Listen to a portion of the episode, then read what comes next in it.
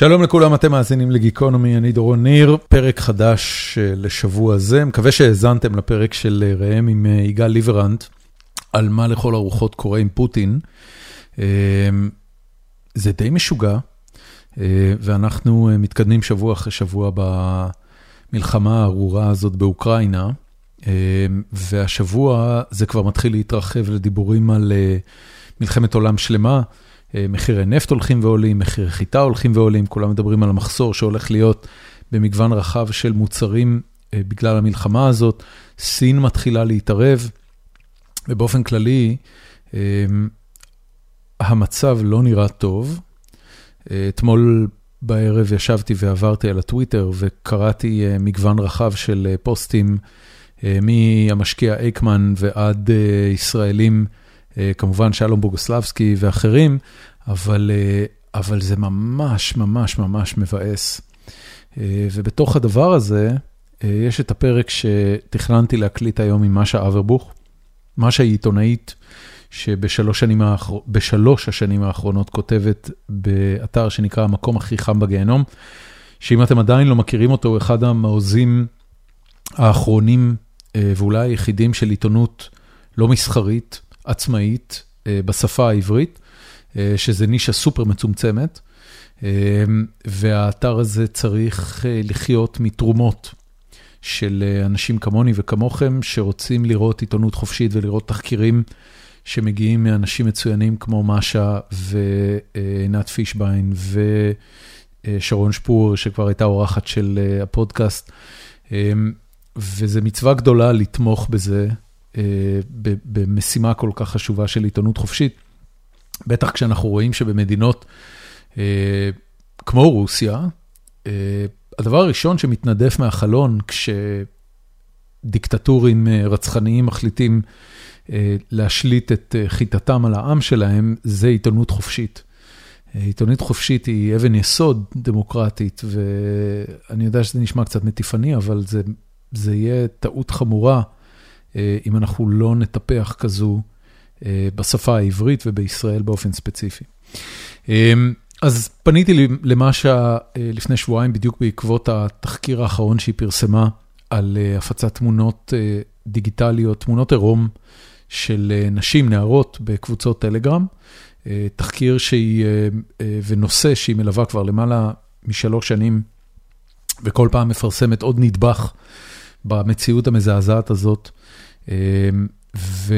וזה ממש מלחמה, זאת אומרת, דיברתי איתה שעתיים על העניין הזה, ועם כל דקה שמתקדמת בשיחה, בדרך כלל אני מנסה שהפרקים יהיו באזור השעה וחצי, ועם כל דקה שמתקדמת בשיחה, זה רק הולך ונהיה יותר גדול ויותר גרוע ויותר מבהיל, והמציאות שבה נערות ונשים חיות סביב העניין הזה והדברים שהן צריכות להיזהר מהן, הם באמת מציאות איומה ונוראה.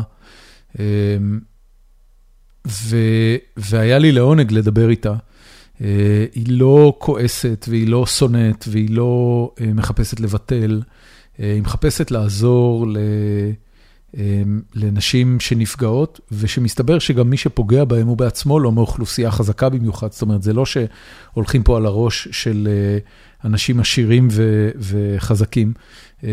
בסופו של דבר, גם האנשים שמפיצים את התמונות האלה מגיעים מרקע לא יותר מדי מרשים. והיה לי תענוג לדבר איתה, גם בגלל המשימה הכל כך חשובה וגם בגלל שהיא פשוט עיתונאית מצוינת. השאלות שפרסמתם ביטאו בפורום שלנו, בפורום החיים עצמם של גיקונומי, ביטאו פחות או יותר כמויות שוות של סימני שאלה והערכה, וניסיתי באמת לברר את העניין הזה, איך בן אדם מחליט שהוא הולך להקדיש את החיים שלו ואת הקריירה המקצועית שלו לנושאים כל כך קשים לסיקור. וגם דיברנו קצת על איך הדבר הזה משתלב בשיקולי רייטינג, הרי בסופו של דבר, כדי שהתחקירים האלה יצאו וכדי שהדברים האלה יקרו, צריך שמישהו יקרא את זה ומישהו יפיץ את זה ושזה יעניין מישהו. וזה קשה מאוד לעניין אנשים בדברים שהם בסופו של דבר מציאות מאוד איומה. אז גם על זה דיברנו. קצת על משהו מהפרקים הקודמים, בפורום, בפורום החיים עצמם, התפרסמו ב, בשבוע שאחרי הפרק שפרסמתי שבוע שעבר עם גונטאז', התפרסמו מגוון רחב של טענות, ש... שהוא ככה והוא ככה, והוא עשה דבר כזה והוא עשה דבר כזה, ו, וכולם צודקים בסופו של דבר. ואני חושב שמה שאני מאוד הייתי רוצה לנסות, זה אה, לחשוף אנשים למורכבות של חיים, אה, גם של אנשים ספציפיים במקצועות כמו גונטאז', שהוא מצד אחד אה, עיתונאי מעולה שמסקר נושאים חשובים, ומדי פעם הוא גם נופל לקטנות והוא נופל לדברים מעצבנים, והוא כנראה גם בן אדם מעצבן במובן הטוב של המילה, במובן שלא מקבל את המציאות כפי שהיא, וזה חלק ממה שהופך אותו גם לעיתונאי טוב וגם לבן אדם שאני מאוד מעריך. ואותו דבר עם משה, עלו בשאלות כמה עניינים ש... שמציפים קצת את הכעס שיש לגברים בעיקר, אה, סביב כל נושאי MeToo אה, והסיקור של אה, הכמות הפסיכית של הטרדות מיניות ושל פשיעה מינית שנשים חוות מגברים כל יום במציאות הישראלית וגם במקומות אחרים אגב, זאת אומרת אני חי בארצות הברית וזה לא שונה דרמטית פה, אולי, אולי טיפה פחות, אבל, אבל לא במידה דרמטית. ו... ואני לגמרי מבין את האינסטינקט הכמעט אוטומטי, שכשנשים שחוו כל כך הרבה צורות של הטרדה כל יום מחדש, נוטות להתייחס לכל הגברים כמקשה אחת וכקבוצה אחת, שה, שהמאפייני התנהגות שלהם די הומוגניים ולכן כולנו כאלה. וכמובן שהאינדיבידואל תמיד מתקומם בפני הדבר הזה, אבל אני לא, ואני משתדל שלא, ואיפה הרגע שבו מציינים ומעריכים את אלה שלו. ו... ואני לא אכנס עכשיו לדיון על פריבילגיה, כי כבר קצת נגענו בו ואני מתכנן עוד לעשות פרק שלם סביבו. אבל, אבל אני כן אגיד שזה משהו שצריך לקחת אותו עם המון, עם, עם נשימה מאוד עמוקה ושחרור איטי ובעיקר להירגע. נשים באמת חוות כמויות מטורפות של הטרדה, ועושה רושם שכל טכנולוגיה שמתפתחת, רק מביאה איתה קטגוריות נוספות של הטרדה. זאת אומרת, דיברנו על זה שטלגרם היא פלטפורמה שנורא קשה לנטר בה את המקרים האלה, רק בגלל שהיא פלטפורמה פתוחה וחופשית. ומה שבו זמנית אומרת, אני לא רוצה לוותר על הפלטפורמה הזאת, אבל מצד שני כן צריך לעשות שם פוליסינג, צריך למשטר את העניין הזה, צריך לוודא שפשיעה לא קורית שם, והמשטרה מתקדמת כל כך לאט וכל כך מעט, ש, ש, שקשה להתמודד עם זה. זאת המורכבות של החיים שלנו, זה עדיין הרבה יותר טוב מאשר להיאכל על ידי דוב, זאת אומרת, אם אני עושה לדבר הזה אנלוגיה לאלף שנה אחורה, אז המצב הוא הרבה יותר טוב. ושאף אחד לא יגיד לכם אחרת. רק בסוף השבוע ראיתי את הסרט The Last Duel, דו הקרב האחרון, הדו-קרב האחרון, שמתאר מציאות ימי ביניימית שבהם באמת נשים היו כלום ושום דבר, ולא הייתה להם שום יכולת להתלונן על הדברים האיומים שגברים עושים להם, גברים פריבילגיים עושים להם. ו- וכשאתה מסתכל על הדבר הזה, על הזוועה האיומה שהוא מגלם בתוכו, אתה מבין כמה התקדמנו וכמה עוד יש להתקדם. אני חושב שזה ה, הסנטימנט שהייתי רוצה שיהיה לכם כשאתם מאזינים לפרק הזה. המציאות היא לא פשוטה, היא הרבה יותר טובה ממה שהיה, ויש עוד המון המון המון מה לעשות. ו, וזהו, וזה מה שעושה אותי אגב לאופטימי. העובדה שדברים נעשים כל הזמן כדי לשפר חיים של אנשים ושל נשים באופן ספציפי, ושאנשים כמו משה, עושים את זה כל יום מחדש, ושהמקום הכי חם בגיהנום הוא אתר שקיים, ושאנשים שעושים אותו לא מתכוונים לוותר עליו בשום נקודה, ושאני עשיתי את התרומה הקטנה שלי ותרמתי סכום כסף חודשי לאתר הזה, כדי שימשיך לפעול וימשיך לעשות את העבודה המצוינת שלו. עד כאן החפירה הפרטית שלי. שתהיה לכם האזנה נעימה. אה, גיקונומי, פרק 523 עם משה אברבוך.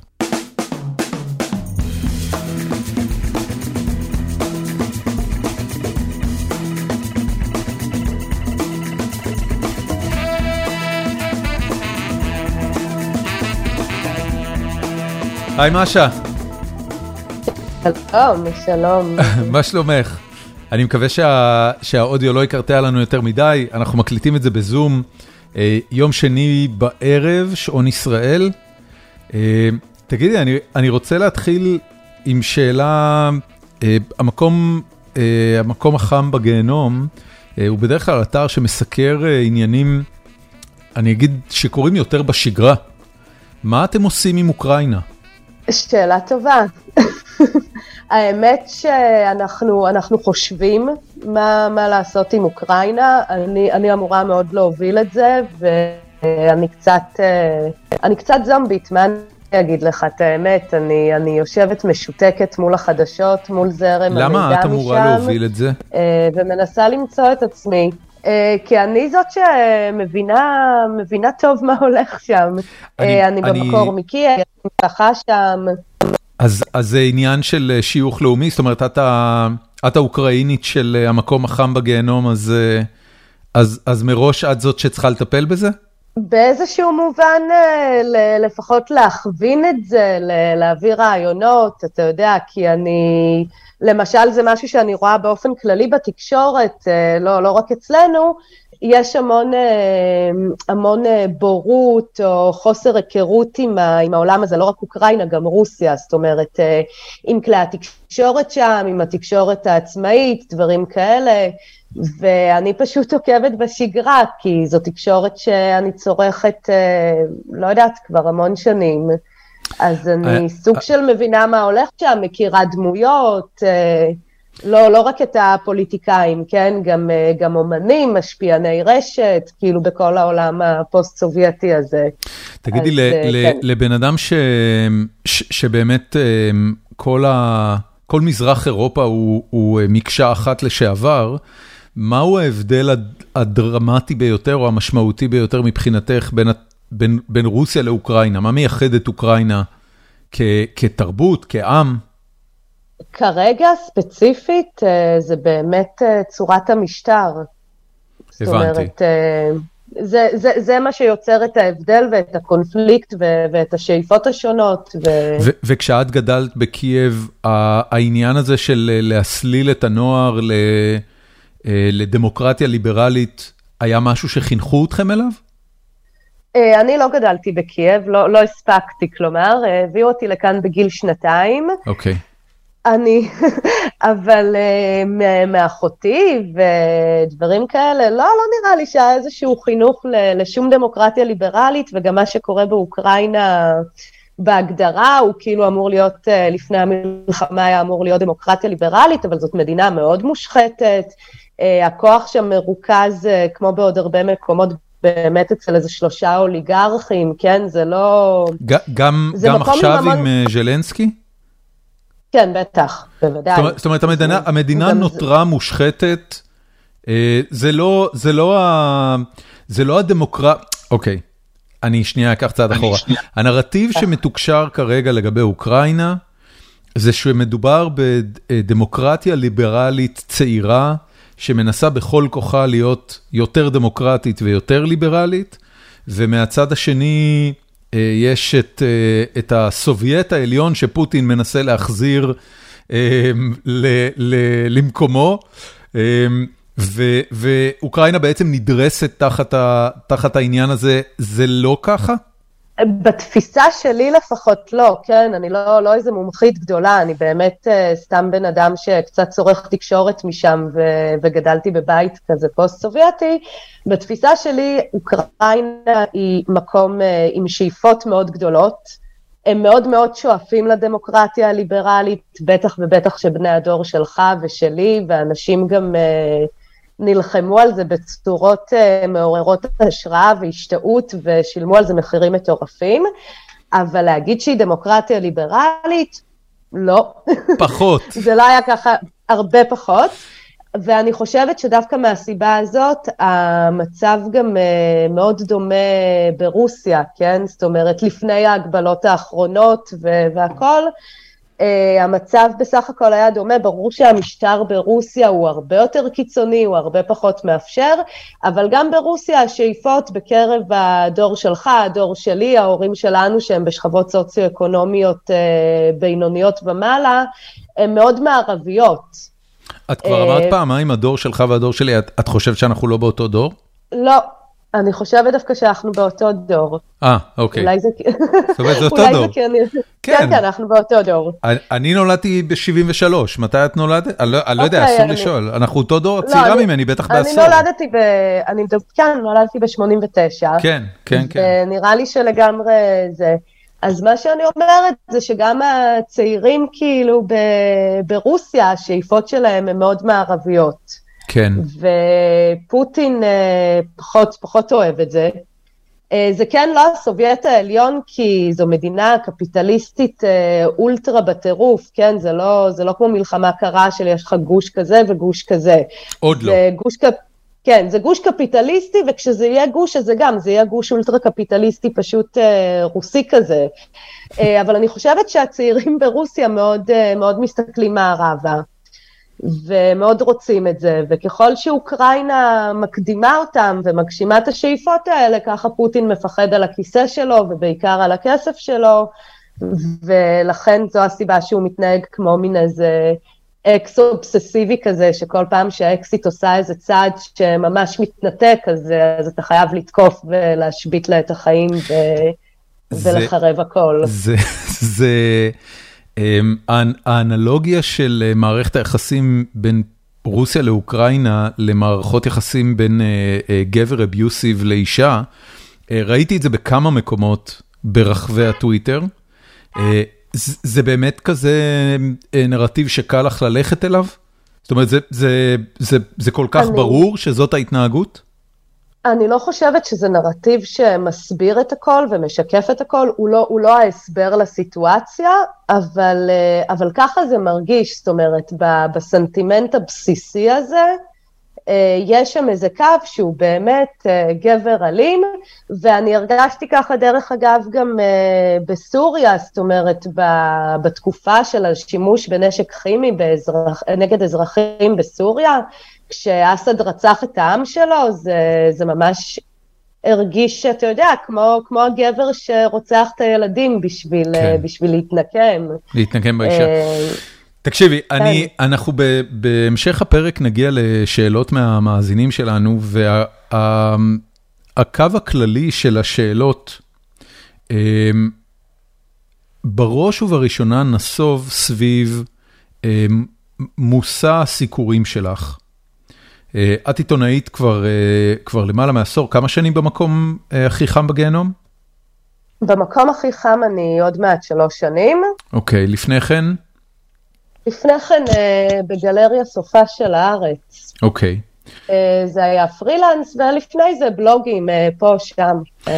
והמושא סיקור שלך, כמו שאחד המאזינים שלנו תיאר את זה, זה הביובים של החיים. זאת אומרת, את מסקרת את, ה, את הסיטואציות באמת מה, מהנוראות ביותר שקורות במציאות הישראלית, גם סביב דברים שקשורים ל, להטרדה מינית ופשיעה מינית, גם דברים שקשורים לפשיעה לאומנית, אה, בדרך כלל אה, כלפי אה, אוכלוסייה שהיא מיעוט או אוכלוסייה חלשה. אני, אני חייב להבין איך עיתונאית מגיעה למקום שבו זאת הקריירה שלה. היא מתחילה לעבוד במקום הכי חם בגיהנום. זאת אומרת, זה, זה. זאת ההחלטה? באיזשהו מובן כן, כשהגעתי למקום הכי חם היה ברור לי שמה שאני מגיעה בשבילו זה, זה תחקירים ברמה העיתונאית, אה, לחזק את הכלים שלי לנבור לעומק ברמה עיתונאית, כן, והכל. אה, מבחינת הנושאים, תשמע, כולנו, כולנו ידענו באיזה נושאים המקום הכי חם אה, מתעסק. זה לא, זה לא שבאתי לא מוכנה לזה. אמ, כן, לא, לא חשבתי שהסיפור של עבירות מין יהיה, יהיה כל כך דומיננטי בעבודה שלי, אני מודה, אבל, אה, אבל החיים מתגלגלים, ובאמת בגלל שאנחנו מתעסקים בכל הנושאים האלה ש, שאחרים קצת פחות נוגעים בהם, ובטח באינטנסיביות שהיא פחות מאפיינת תקשורת מיינסטרים, אז, אז אתה יודע, ברגע שנכנסים, אז נכנסים. אז אני, אני, אני רוצה לשאול אותך, ואני, ואני מסתכן פה בלהיות, בלהישמע ציני. Mm-hmm. אז לפני שאני אשמע ציני, אני אגיד לך שגם הרצון לראיין אותך וגם התחקירים שאת מפרסמת, הם, הם עבודת קודש בעיניי, ואני ממש מעריץ אותך על זה שאת עושה את העבודה הזאת. ועכשיו, אחרי שאמרתי את זה, אני, אני אשאל, הרי תקשורת בסופו של דבר, גם אם היא לא מסחרית proper, והמקום הכי חם בגיהינום הוא בוודאי לא מפעל מסחרי proper, היא עדיין מונעת על ידי רייטינג. זאת אומרת, כשאת עושה את התחקירים האלה בתור עיתונאית, ההצלחה שאת מכוונת אליה היא שאנשים יקראו וישמעו וידברו וידעו על מה שאת עושה. ואיפה הדבר הזה מגיע לשאלה של הסיקור עצמו? הבחירה על איזה, על איזה מקרים איומים כן ללכת ועל איזה מקרים איומים לא ללכת. איך בכלל מנהלים את החשיבה הזאת עם עצמך? איך את שואלת את עצמך, רגע, זה, זה, זה משהו שכבר, עשינו כבר חמישה כאלה, אי אפשר לעשות עוד אחד, או לא יודע, אני, אה, מהו הדיאלוג שאת מנהלת עם עצמך סביב נושאי הסיקור? אני צריכה לחשוב איך לענות על זה, בגדול אני, אני לא מנהלת uh, כל כך דיאלוג. מה, ש, מה שמגיע אליי, אני משתדלת לקחת. כמובן שיש המון דברים שמגיעים אליי, ואין לי את הזמן, אין לי את הפנאי, אני גם משתדלת להעביר לעיתונאים אחרים מתי שאפשר והכול, אבל uh, מה שמגיע אליי אני לוקחת, כי בגדול, כי יש לי איזשהו רצף, ואנשים גם יודעים עם מה, עם מה לפנות אליי. זאת אומרת, אה, בדרך כלל, כאילו, 90% מהפניות שאני מקבלת הן מאוד מאוד רלוונטיות לדברים שמעסיקים אותי, לדברים שאני מאמינה שאני יכולה לטפל בהם, אה, אחרי שאני מבררת אותם, ושאני מאוד רוצה לעשות איתם משהו. אה, זאת אומרת, אין לי, אין לי כמעט פניות ש, שאני לא מבינה למה הבן אדם הזה מבזבז לי את הזמן, או למה הוא הגיע דווקא אליי, בן אדם אה, עיתונאי אחר אה, יתאים פה יותר טוב. זאת אומרת, זה מאוד, מאוד ממוקד. את יכולה בכל זאת לתת לי דוגמה למשהו ש, שכן היה לו את העניין הזה? זאת אומרת, שמישהו הגיע אלייך ואמר, תקשיב, זה הרבה יותר יתאים שתיקח לעיתונאי X, אני אשמח לחבר אותך. ומה הסיבות בעצם? זאת אומרת, מה מה במקרה עיתונאי או בתחקיר עיתונאי יכול להתאים יותר לעיתונאי אחר ולא לך? אה, תראה, קודם כל זה סיבות אישיות, זאת אומרת, אה, אני גם, אני בן אדם באופן כללי בחיים, אה, מאוד מאוד קשה לי להגיד לא, ובטח ובטח לאנשים שפונים אליי עם סיפורים. אבל יש פעמים שבהם אני אומרת, עד שאני אגיע לטפל את הסיפור הזה, כי יש לי כבר המון המון עומס, יכול להיות שזה לא יהיה רלוונטי, או יש כאן בן אדם שהוא פוגע עכשיו, צריך לחשוף אותו מהר, בואו נחפש ביחד עיתונאי ש... שהוא קצת יותר פנוי ממני, כי לי יש חמישה כאלה עכשיו במקביל. אמ, את בשום זה, נקודה זה באמת... בתשובות שלך לא מזכירה אפילו את המילה רייטינג. תראה. לא, באמת אני שואל, אני, אני, אני מנסה להבין את החשיבה המערכתית, את החשיבה העריכתית סביב זה.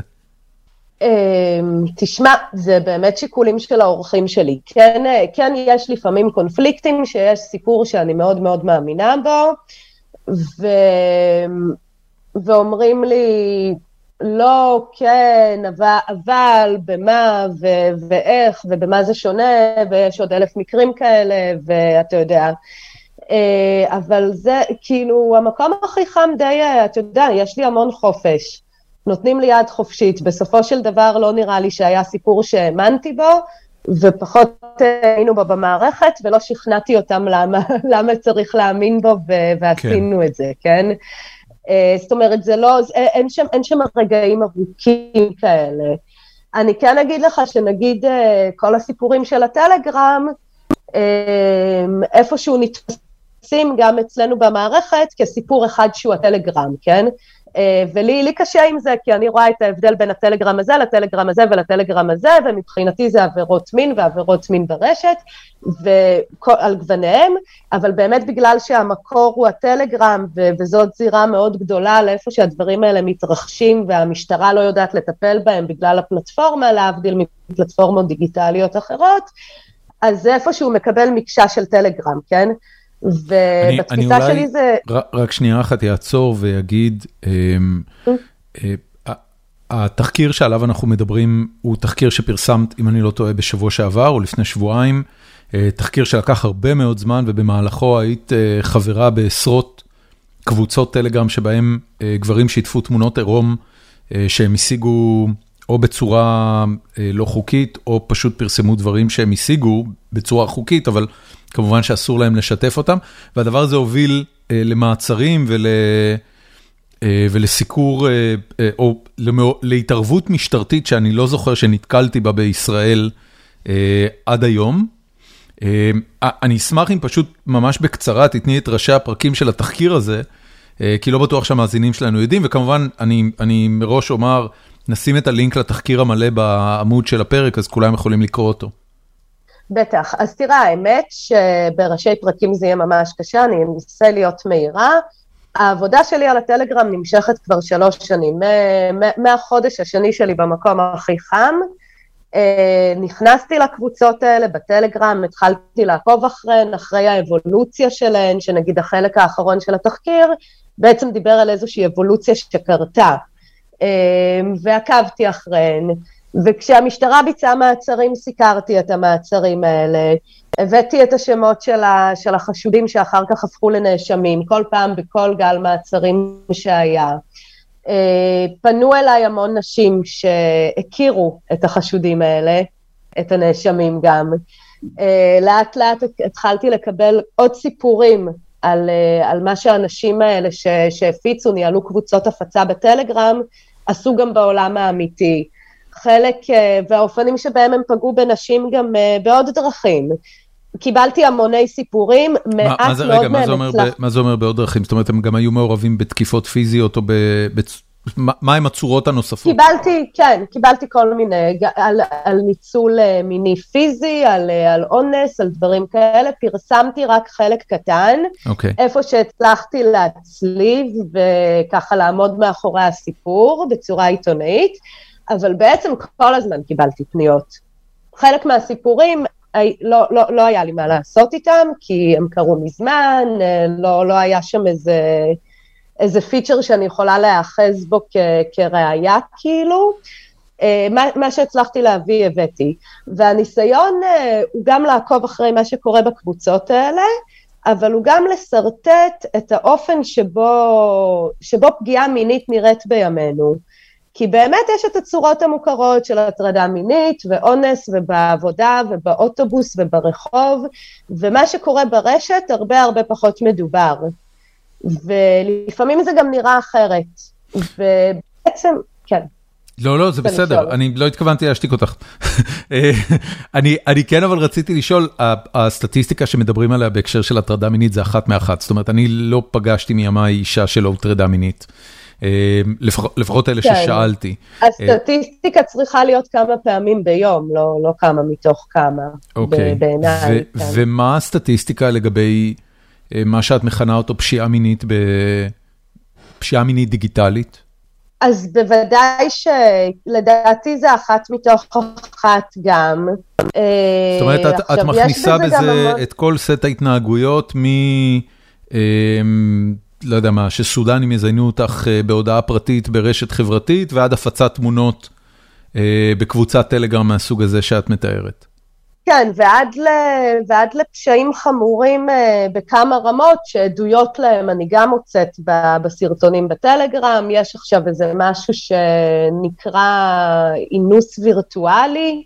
שמה זה? שזה, שזה בוא נגיד אם נגיד אני, בוא, אני בת 14, הצד השני שאני מדברת איתו בין, אה, לא יודעת, מבוגר ממני, אבל מציג את עצמו כבן גילי או בת גילי או לא משנה, ואנחנו מפתחים איזושהי שיחה, שבמהלכה הבן אדם הזה גורם לי לעשות בעצמי מעשים מיניים שהם לא, הם לא משהו שהייתי רוצה לעשות אותו. הרבה פעמים גם אנחנו רואים שהצד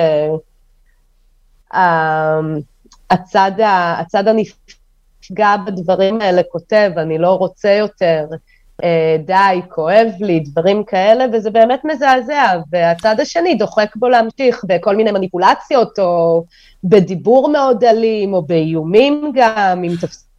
החוק הישראלי כבר מכיר... אני אשלח את זה להורים שלך. החוק הישראלי כבר מכיר בזה בתור פשיעה מינית? כן, בהתנהגויות כאלה? בטח. כן, בטח. זה לא, לא איזה הגדרה חדשה, זה פשוט uh, נכנס תחת החוק, החוקים שיש לנו, אבל, אבל השם שמשתמשים זה, זה אינוס וירטואלי.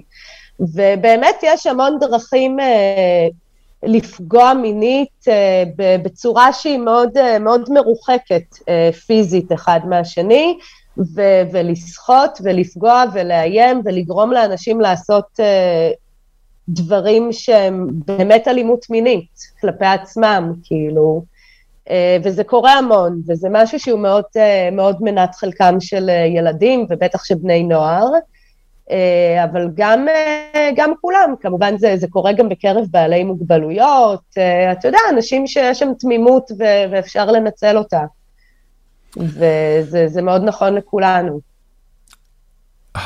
הסיפור של אה, של קבוצות הטלגרם, אה, כשאת נחשפת אליו פעם ראשונה, או כשאת אומרת, את כבר שלוש שנים בתוך הסיפור הזה, אה, מה מה בעצם היה שם ש, שגרם לך לחשוב על זה בתור מושא סיקור עיתונאי, בטח לאורך תקופה כל כך ארוכה?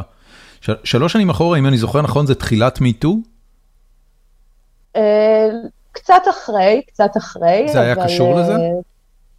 אני לא חושבת שזה היה קשור לזה ישירות, הסיפור הזה של, ה, של המיטו, כאילו, אני, אני הייתי בו עוד לפני שזה היה אופנתי.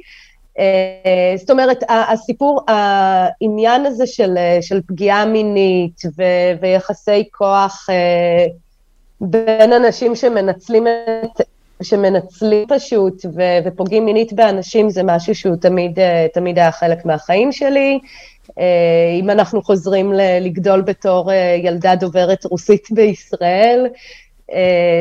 אה, זאת אומרת, ספגתי המון המון המון המון המון הטרדות, עוד בגילאים שבכלל לא ידעתי מה זה מיניות ומה זה. דרך, גדלתי בחולון. Okay. אוקיי. גדלתי בחולון, הסתובבתי המון בתל אביב, זה באמת לא, לא, לא נראה לי עניין גיאוגרפי, זה היה בכל מקום. אה, אתה יודע, דרך אה, נעורים, שמה לעשות, נעורים זה, קורים, קורים שם דברים. כן. אה, גם, גם החבר הכי טוב שלי מהתיכון, לא משנה, היינו מעורבים באיזה הליך משפטי של מישהו, אגב, שהוא הכיר מהרשת, ו...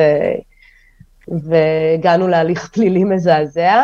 אה, לא יודעת, זה פשוט תמיד היה שם, ותמיד היה על זה דיבור, לא הדיבור שיש בעידן המיטו בשום צורה, לקח לנו המון זמן בכלל לקרוא לדברים, אבל לא שלא היה כלום והיה מדבר. ובתור אה, ילדה ונערה וסטודנטית באוניברסיטה, פיתחתי את המודעות שלי ואת עולם המונחים שלי למה שכן היה, והרחבתי את מה שהיה אפשר להרחיב. וכי בעצם אה, אנשים הבינו את הפגיעות שלהם. כן. אמ, פתאום, זה, זה היה מאוד, אה, זה היה חשוב. אמ, אני כן לא סיימתי את הראשי פרקים של התחקיר, קדימה. האמת לא, לא בוא, הגעתי. אז בואי, בוא, בוא נעשה את זה מהר. כן, כן, כן. אני, כן, אני, עלול, אני עלול להפריע, אבל שבעצם... אני, אני אומר לך מראש מה השעה, אין לי בעיה שזה יימשך אפילו שעה, אני, אני, בטח. אה, אין לנו בעיה של זמן. אז אז תרגישי חופשי לפרט את זה אה, בעומק הדרוש. בטח. אוקיי.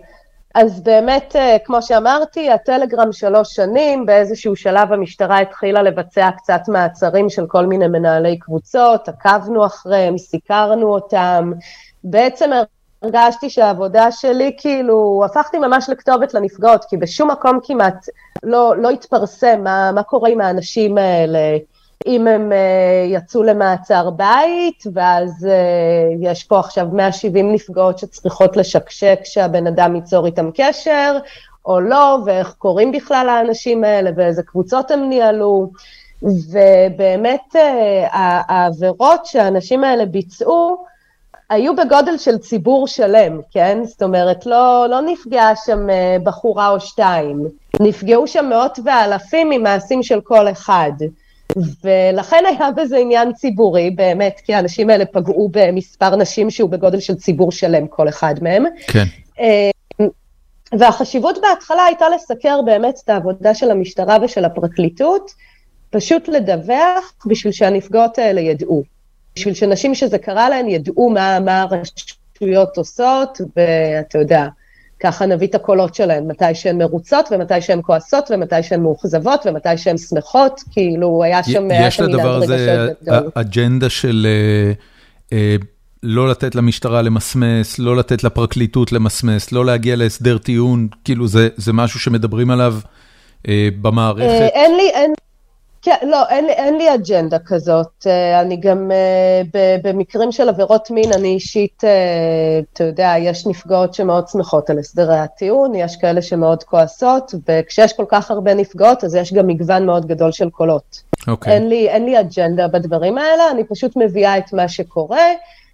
אני מיידעת, כמו שאתה יודע, כמו שיש עכשיו קורונה, ועיתונאי אומר כמה, מה ה-R ומה לא יודעת מה. אותו דבר אני מעדכנת מהבית משפט, וכמובן במקביל נמצאת בקשר עם הנפגעות או עם מכרים של הפוגעים, ומנסה לשרטט את אה, איך, אה, איך דבר כזה קיים, איך, אה, איך זה קורה. את, ה, את מה שאמרתי לך, שזאת האלימות המינית הזאת ברשת, שהיא משהו, משהו יותר גדול מ, מסך העבירות ש, שמבוצעות, כי יש לזה גם מאפיינים. כמו שדיברנו על האינוס הווירטואלי. כן. Uh, פשוט, פשוט לנסות לשרטט את השדה הזה, אוקיי? את, את עכשיו, מוצאת, uh, את יודעת, שלוש שנים של סיקור, ואת רואה גם נאשמים.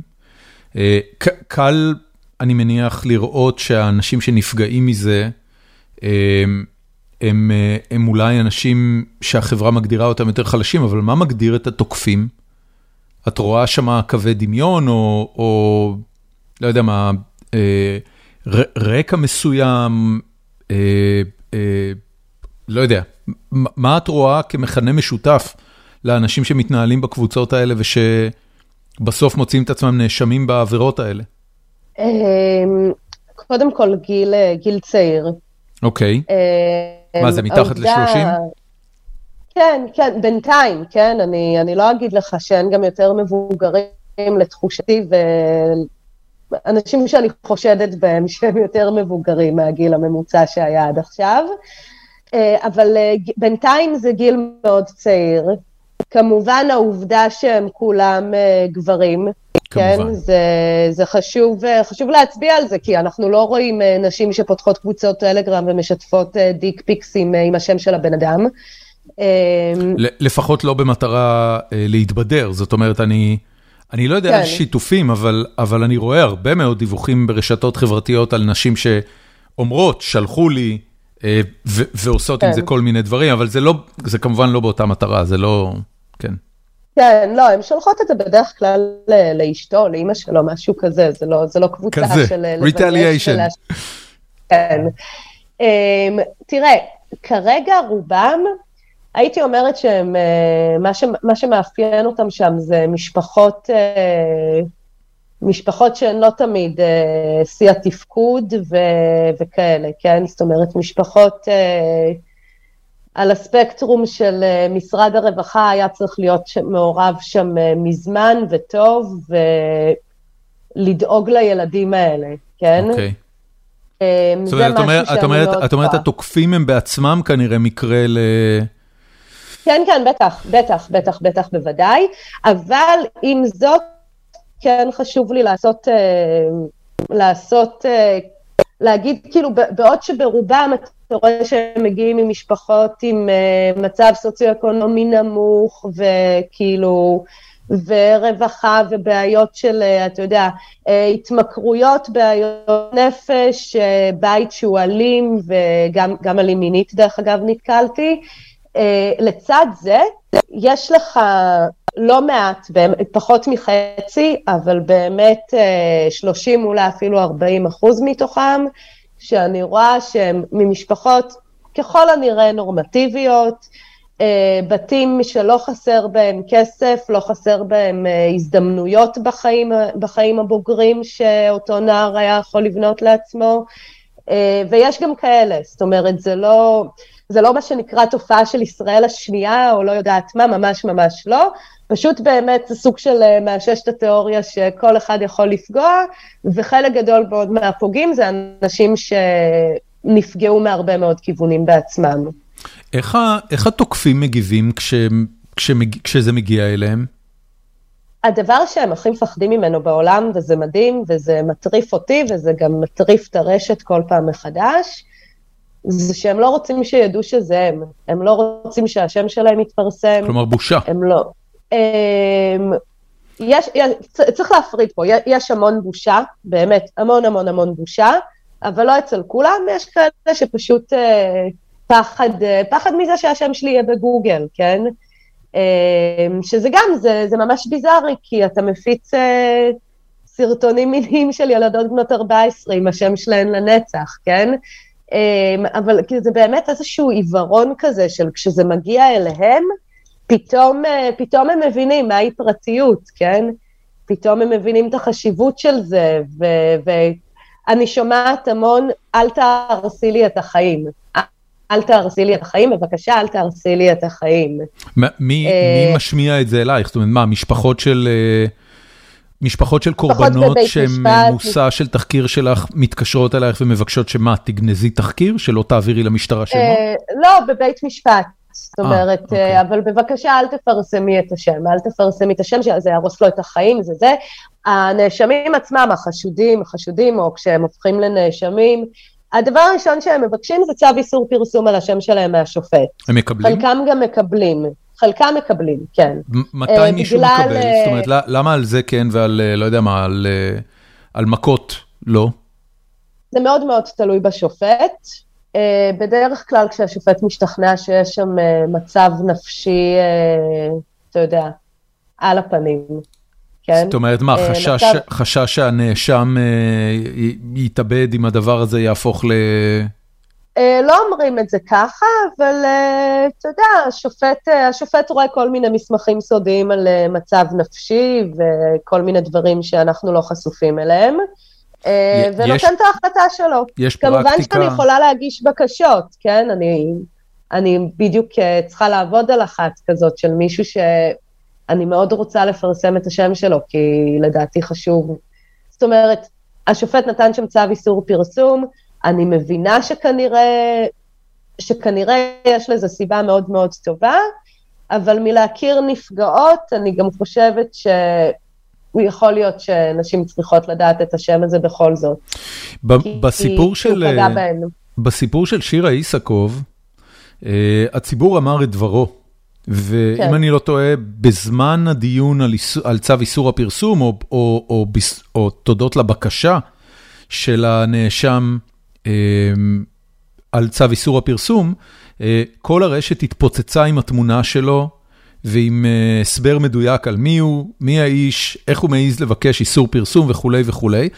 יש נקודות שבהן את שוקלת להדליף ופשוט לסגור את, כאילו להגיד, אוקיי, בואו ניתן, ל, בואו ניתן לקהילה לעשות את שלה. אמ, לא, לא, לא, כי אני גם, אה, אתה יודע, מכבדת את ההחלטות של הבית משפט והכל, אבל אתה יודע, יש לי את הכלים שלי. אני יכולה להגיש בקשה להסרת צו איסור הפרסום, כן? למשל, לא, לא, לא קשור עכשיו לעבירות אה, מין בטלגרם, כן? אבל כשעד המדינה בטלגראס, אוקיי? בפרשת הטלגראס, שאגב נחשד בביצוע עבירות מין בקטינים ברשת תוך כדי שהוא מתכונן לעדותו כעד מדינה, וגנב מהמשטרה ביטקוין, ו- ועשה כל מיני דברים שבאמת שמו, שמו את המשטרה ואותנו כציבור ללעג, כי אנחנו הרי מימנו את כל, ה- את כל החיים שלו בשנים האחרונות כעד מדינה. כן. אמ, מכספי מיסים צריך. להגיד. כן, כן, כן, בטח. ברור. Um, הוא ניסה לשים קץ לחייו, אוקיי, okay. אוקיי? okay, לפני uh, זמן מה. והיה על זה צו איסור פרסום. על, על זה ואיפה... שהוא ניסה לשים קץ לחייו? כן, כן, על זה שהוא ניסה לשים קץ למה? לחייו, ועד המדינה בפרשת... אני מניחה שהפרקליטות לא רצתה את הפדיחה הזאת. הבנתי. זאת אומרת, עד- עד- את מישהו זה- שהולך לתוכנית לעדי מדינה ואז אה, מנסה להתאבד, זה- זה בעיקר אה, מוציא לכולם את החשק להיות עדי מדינה בכל נקודה בעתיד. כן, וגם אחרי המון שנים, והוא עשה את זה ממש אה, כמה שבועות לפני שהוא היה צריך להתחיל כבר את העדות שלו, כשהוא ב... מצד אחד הוא כל הזמן בפרקליטות, מכינים אותו לעדות, ומצד שני הוא כל הזמן בפרקליטות ובמשטרה, בגלל התיקים שלו על עבירות מין כלפי קטינים ברשת ו- והגניבה. כאילו הוא ממש ניסה לשים קץ לחייו תחת עינם הפקוחה, כשהוא בקשר יומיומי עם הרשויות, כשיש... זה, זה הזוי שהם גם פספסו את זה. כן. בכל מקרה, אה, הפרקליטות ביקשה שם אה, צו איסור פרסום, השופט חתם נתן. אה, אף אחד בתקשורת לא, לא ערער על זה. זאת אומרת, אה, המידע הגיע לא רק אליי, כי אני לא העיתונאית היחידה בישראל, בטח שלא לא בתיקים האלה, כן? אה, אבל זה הגיע גם אליי. ואני החלטתי להגיש בקשה להסרת הצו. לא, לא רק אני החלטתי, זה גם מקום העבודה שלי החליט, כי זו השקעה כספית אה, מאוד לא קטנה לנהל את ההליך הזה, אה, ובטח שמבחינת הזמן שלנו. אה, והגשנו את הצו, את הבקשה הזאת, ושלחנו כמה בקשות וניהלנו דיון, ו... ובאמת אחרי חודש הצלחנו, הצלחנו להסיר את הצו ולפרסם את זה, וכל כלי התקשורת פרסמו את זה. אה, אפילו הפרסום הראשון בסוף לא היה שלי, פספסתי בדקה. באמת, איך שהצו ירד, זה הגיע כבר לכולם. ו... אבל זה, זה היה מוזר, כי בעצם כאילו כל התקשורת הזאת לא, לא ניסתה להסיר את הצו הזה. כן. היא לא... זה, זה משהו שקריטי לפרסם אותו בעיניי. אה, ויש עוד הרבה צווים כאלה, שמאוד קל לקבל אותם, כי גם ככה יש סיפורים אחרים, וזו עבודה מאוד קשה לפעמים להסיר צו, לפעמים גם לא, דרך אגב, לפעמים צריך לבקש ו, וזה עף. אה, אבל לפעמים זה, זה קשה. וצריך אה. להשקיע בזה, אין מה לעשות. הסיפור הזה של, אה, של הפצת תמונות ברשתות דיגיטליות, את יודעת, כש, חשבתי על זה לקראת השיחה שלנו, זה בוודאי מאוד מאוד מרתיע לשמוע שלאנשים נהרס, נהרסים החיים, אבל, אבל זה לא, ב, אה, אני לא יודע, תגידי לי את, האם, האם את מרגישה שזה מונע את, ה, את הדור הבא של מפיצי תמונות? אני חושבת שבאיזשהו מובן כן ובאיזשהו מובן לא, כן? כי הרי... אה, בוא, בוא נסתכל על עבירות מין ועל עבירות בכלל, כן? זה שאנחנו תופסים גנבים ואנסים ורמאים וזה, זה לא... תמיד יש עוד. נכון. אבל, אה, אבל אני חושבת שיש אנשים שהאכיפה מרתיעה אותם, יש אנשים שהשיח הציבורי מרתיע אותם, ויש אנשים ששני הדברים האלה גורמים להם להבין שלפעמים מדובר בכלל במשהו פסול ומראש להימנע מלעשות אותו. זאת אומרת, אה, זה, זה הרי החשיבות של המיטו. אה, וכמובן שזה, כל הדברים האלה מאוד מוכוונים, ממש ממש לא רק לפוגעים או לפוגעים הפוטנציאליים, זה מאוד מאוד מופנה לנפגעות ולנשים שזה יכול לקרות להן, כי זה באמת יכול לקרות לכל אחת. קודם כל, את צריכה לדעת מה קורה סביבך, איך עבירות מין נראות היום. אה, את צריכה לדעת מה, איך את יכולה להיפגע. את צריכה לדעת איך, במי את יכולה להיעזר, למי את יכולה לפנות. זה משהו שהיום לדעת- אה, נמצא במערכת החינוך הישראלית? אה, משרד החינוך טוען שכן, אבל אתה יודע, זה משרד החינוך, כאילו... את נשמעת זה- זה סקפטית. נמצא, לא, תשמע, זה נמצא, יש להם איזה כמה שיעורים על זה, ועל 105 עושים הרצאות, אבל כאילו, אתה יודע, זה מה כמו... מה זה על 105? סליחה על הבורות. אה, זה, זה יחידה, זה משהו משולב של, תכף נגיע לזה אם נרצה לעומק, כאילו בהמשך של התחקיר גם, כן. אה, ב outline. אה, זה משהו של המשטרה ומשרד החינוך והרווחה ביחד, שמתעסק בפגיעות בקטינים זה ברשת. יחידה, זה יחידה משטרתית? יחידה 105? אה, ח- חלקה משטרתית, חלקה משותפת לעוד, לעוד כמה משרדים ממשלתיים. אוקיי. אה, אבל בקיצור, יש, יש הרצאות שאפשר להביא על זה, כאילו זה נמצא בכישורי חיים שחובה שיהיה שיעור אחד כזה בשנה, אבל אה, אתה יודע, משרד החינוך. כן. זה... בוא, בואי נמשיך על, ה, על ה outline של התחקיר. את אומרת ששלוש שנים את בתוך הסיפור הזה, ו, ו, ורק לאחרונה, או ש... אני לא יודע, לאחרונה רק יצא הגל האחרון של מעצרים סביב העניין הזה. באיזה כן. נקודה, כשנחשפת לתופעה, כשנחשפת לקבוצות, על פלטפורמת טלגרם, שאגב, צריך להגיד, אני אני מניח שזה לא ייחודי לטלגרם, טלגרם היא פשוט ממש לא. פלטפורמה פחות פחות מבוקרת, פחות moderated, אין מאחורי החברה כמו פייסבוק, שהיא חברה ציבורית, שחייבת לעמוד בסטנדרטים של איזושהי רמה של אתיקה מקצועית, או לפחות שמחיר המניה שלה יכול לצנוח אם נכנסים בהם. ולכן טלגרם אולי זה זה כר יותר נוח לדברים כאלה לצמוח, אבל מרגע שנחשפת לדבר הזה, מה את עושה בתור עיתונאית כדי להפוך את זה לתחקיר שאשכרה מביא אנשים לדוכן הנאשמים? ככה, תראה, קודם כל, אה, הרי כמות האנשים שהמשטרה עוצרת זה, זה טיפה בים לעומת המשתמשים שאנחנו רואים שם והעבירות שקורות שם, כן?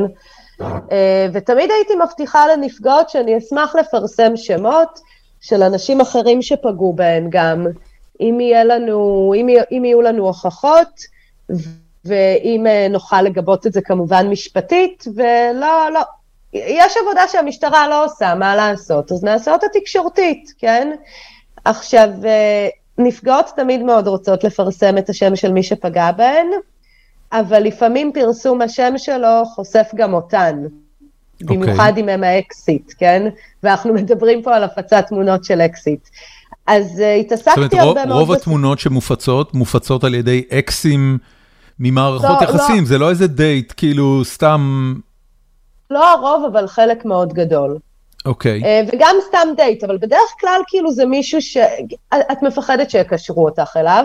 אוקיי. Okay. אז באמת ככה שמעתי המון סיפורים כאלה והתעסקתי בהם, ובסוף אין פרסום, כי הנפגעת מפחדת להיחשף בעצמה. אה, ובסוף אני חושבת, כן, זה היה ביולי השנה, הגעתי, הגיעה אליי מישהי שחיברו בינינו, שבאמת אקס שלה הפיץ, הפיץ, ניסה למכור בטלגרם תמונות וסרטונים למכור, שלה. למכור, תמורת כסף. למכור. כן, עשרה שקלים לתמונה, עשרים שקלים לסרטון קצר, חמישים שקלים או שבעים, לא זוכרת, לסרטון ארוך, אוקיי? אה, היא ידעה מי זה, הבן אדם גם uh, השתמש, ב, החשבון שלו היה מקושר לטלפון הפרטי שלו. Uh, זה, זה היה מאוד ברור שזה הוא. Uh, והיא הגיעה אליי כי התלוננה במשטרה איזה יום לפני, והרגישה שלא קורה עם זה כלום, זה, זה מישהו שצריך לעצור אותו כאן עכשיו ומיד, כן? זה כן. so easy. אה, והתחלתי ללחוץ על המשטרה לעשות את זה בדרכים העיתונאיות שלי. מה אמרו לה במשטרה? זאת אומרת, כשהיא באה אלייך, מה היא בעצם אומרת? תקשיבי, הייתי במשטרה, מה? היא אומרת, הייתי במשטרה של איפה שאני נמצאת, ואמרו לי שיעבירו את זה למשטרת אופקים, שזה איפה שהוא נמצא, כי תמיד התחנה שמטפלת בזה היא... היא צריכה לעצור אותו, כמובן. כן, מי שצריך למצוא את הבן אדם הזה. אה, וסבבה, והם העבירו, ו...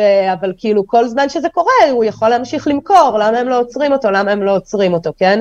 עכשיו, המשטרה לא עומדת בקצב של הרשתות, בטח שלא של הטלגרם, ובסוף המקרה שלה היה גם המקרה הכי מהיר שראיתי בחיים שלי.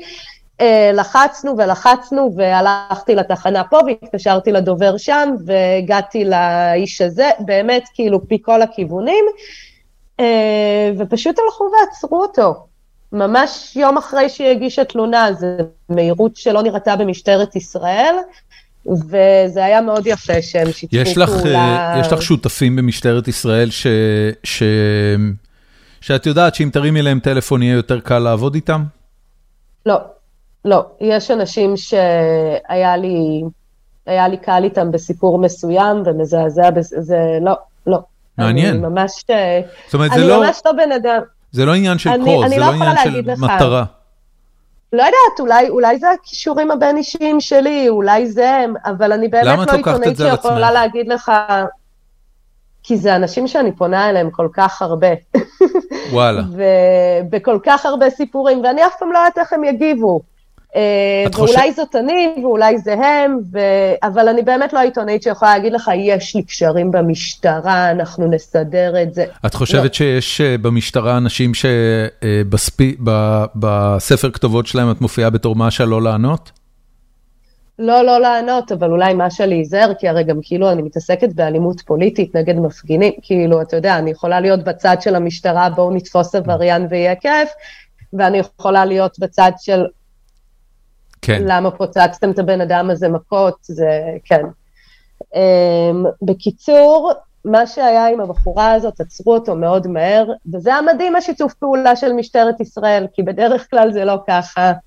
Uh, והוא נעצר, הוא הגיע לחקירה, הוא הודה בחקירה, הוא בכה שם, הוא הכל. מצאו אצלו בטלפון גם תמונות uh, לא, לא רק שלה. הוא היה בפרופיל שאת אה, מתארת, אה, אה, צעיר ממשפחה עם בעיות? אני לא יודעת אם, אם הוא ממשפחה עם בעיות, הוא כן, הוא כן נראה לי שאפשר להגדיר שם, אתה יודע, אם אני ככה סוציולוגית קרת לב, פריפריה חברתית, לא בהכרח גיאוגרפית, אבל חברתית, כאילו, לא, אוקיי. לא כלכלית, אבל גיאוגרפית לא, הוא נגיד, הוא ממרכז הארץ, הוא גר כן, כן. באופקים רק ב- בתקופה האחרונה. הוא ממש אה, גדל איפה שאני גדלתי, אפשר להגיד, וגדלתי במקום טוב. ברור, חולון עיר נהדרת. אה, כן, כן, במיוחד השכונה שגדלתי בה, כאילו באמת אה, זה. בקיצור, היא כן רצתה שנפרסם, היא פחדה מאוד שזה יחשוף אותה, אבל גם בגלל שמצאו אצלו בטלפון תמונות לא רק שלה, היא רצתה שנפרסם. ומה שהיא עוד סיפרה לי, זה שהיה פרופיל שפנה אליה, והוא סיפר לה שהאקס שלה בכלל עושה את זה, כן? מישהו אה, פנה אליה אמר- וככה היא גילתה שהאקס שלה מוכר תמונות גילתה, וסרטונים כן, שלה. כן. בדרך כלל אה, נשים, ש... נשים מגלות את זה ככה, כי הן לא חלק מהקבוצות, מישהו שולח להן צילומי מסך, כן? אה, והבן אדם הזה, אבל מה שהיה חריג זה שהבן אדם הזה, שס... הפרופיל הזה שסיפר לה, אה, הוא לא היה בדוי, הוא היה פרופיל אמיתי של בחור בן 21 מדרום הארץ, עם אה, שם אה, פרטי ושם משפחה, בן אדם שבאמת קיים במציאות. והבן אדם הזה, מעבר לזה, הוא גם פנה אל האקס שלה, שהוא מכר, וסוג של דובב אותו, כאילו הוא תפס אותו על חם, מה שנקרא. כאילו אמר איזה סרט... הוא שאל אותו איזה סרטונים יש לך, כאילו הוא רוצה לקנות, והאקס התחיל לפרט, וכמה כסף על זה, וכאילו הוציא ממנו את התעריף, ופשוט נתן לה את זה, לא סתם כאילו מפרסמים אותך בטלגרם, אלא קחי משהו חד משמעי של המשטרה, שהמשטרה לא יכולה להתעלם ממנו. אה, והיא קישרה אותי לבחור הזה, ומתברר שהבחור הזה גם, בלי שנכיר אחד את השני, אה, שלוש שנים הוא יושב בקבוצות טלגרם ומנסה למצוא את המפיצים האלה, הקטנים, כן? לא אלה שיודעים להסתיר את הזהות שלהם טוב במטרה והכל. עיתונאית או social justice? סושיאל ג'אסטיס. כן, יש לו, יש. לו את המניעים האישיים, כן, כן, אתה יודע, יש לו את המניעים האישיים שלו, אולי תראיין גם אותו איזה יום אחד. אולי תחברי אה, אותנו. אם תרצה אני אשמח. בטח, איזה שאלה. אה, הוא באמת מקסים. אה, אנחנו קוראים לו בשם בדוי במקום הכי חם, קוראים לו מישל, הוא לא רוצה שנפרסם את השם האמיתי שלו. אוקיי. הוא לא מסתיר אותו מהנפגעות, חשוב לציין, כי הוא ממש נותן להן תחושה של ביטחון, הוא גם הולך להעיד אחר כך במשטרה, הוא, הוא שמה, כן? Uh, הוא לא רוצה שנפרסם, מן הסתם בשביל לא, לא לפתוח חשבון מול כל האנשים האלה כן. שהוא מוביל, מוביל למעצרים שלהם, או לפחות לחשדות נגדם. אין, אין לו הגנות של עיתונאי של, של שום דבר, כן? הוא באמת בחור צעיר בן 21. ונוצר בינינו קשר, ואני עשיתי את מה שאני עשיתי בטלגרם, והוא היה שם גם המון, הוא חייל משוחרר, היה לו, היה לו תקופה עם זמן פנוי, הוא ישב על זה חזק, אה, והוא הצליח לאתר המון המון מפיצים, והתחלנו לקשור ביניהם. אה, חלקם גם אה, היו קשורים אחד לשני, הכירו אחד את השני וירטואלית, אה, עשו טריידים מה שנקרא, שזה החלפות של אני אתן לך את זאת, אתה תיתן לי את זאת, ניהלו קבוצות ביחד, כל מיני דברים כאלה. התחלנו למפות את מי שהצלחנו לברר, ואז באמת פרסמנו איזשהו תחקיר של לפני חודשיים לדעתי, אה, תחקיר של מה קרה לטלגרם. באמת, אה, מה שאמרנו בו בראשי פרקים זה שהמשטרה התחילה לעצור את מנהלי הקבוצות הגדולים, זה מה שהיא עשתה בשלושת השנים האחרונות, בצורה מעולה, לא, לא נשארו כמעט קבוצות גדולות. מה, מה זה קבוצה גדולה? ש... כמה, חבר, כמה חברים זה כלל? כמה מספר חמש ספרתי. עשרות. אלפים. כן, עשרות אלפים. וכמה קבוצות גדולות היו אה, בפלטפורמה כשאת נכנסת אליה? בין 2 ל-15, ל-20, תלוי, אה, תלוי באיזה תקופה, כי גם, כי גם בדרך כלל כשיש קבוצה אחת, אז יש לה גם uh, ערוץ גיבוי. Okay. ואז אוקיי. יש לה גם ערוץ גיבוי סודי. זה, והתכנים הם כאילו אותם תכנים, אבל לא תמיד בדיוק, זה, זה מורכב, כן? אבל הרבה פעמים עומד מאחורי זה באמת בן אדם אחד שהוא אימפריית רשע, כאילו, ש, כן. שפונה ל, לכמות בלתי נתפסת של אנשים במצטבר. אמ, אז הקבוצות הגדולות האלה לא, לא קיימות, כן? יש עדיין קבוצות מאוד גדולות בטלגרם, שהגורם המארגן שם זה משהו מיני, וזה כאילו מין המון הודעות כאלה של אה, זוג אה, זורם מחפש בחורה באזור יבנה, אה, סאטלות ואהבה, כאילו כזה, מין זוגות שמחפשים לצרף, חיילים שיצאו לאפטר באיזשהו אזור בארץ, וכאילו מין מודעות של היכרויות כזה לבילוי חד פעמי, לצד פרסום קבוצות של קנאביס, אה, סחר בצעצועי מין, אה, כאילו כל, כל מיני מכל וכול. עד עכשיו כל מה שתיארת נשמע... לגיטימי. כן, נשמע חוקי ולגיטימי וחופשי. trash אבל לגיטימי. כן? כן, כן, לגמרי. ואז בתוך כל, ה, כל החוקי הזה, מסתתרות המון הודעות של החלפות, trade לפרטי, אה, מי בא לטריידים, נה נה נה, ואז זה בעצם אנשים שעדיין מחפשים להחליף את, ה... את הסטים האלה, כן? סט זה... את יודעת, אני, אני, אני, אני, אני מקשיב לך, וזה זה כמעט, אמ, זה כמעט קומי שהתיאור של הדינמיקה האנושית שאת מתארת היא תיאור של החלפת קלפי בייסבול, או... או איסוף, אה, זאת אומרת, את את מתארת פה פעולה שהיא ממש משחק בעיני האנשים שמבצעים אותה. כן. ו, וזה גם ה... כן. זה, זה גם, כן, תראה, זה גם מה שהם אומרים כש, כשתופסים אותם? זאת אומרת, כאילו, מה, מה זה העניין? באמת היה פה איסוף? כן.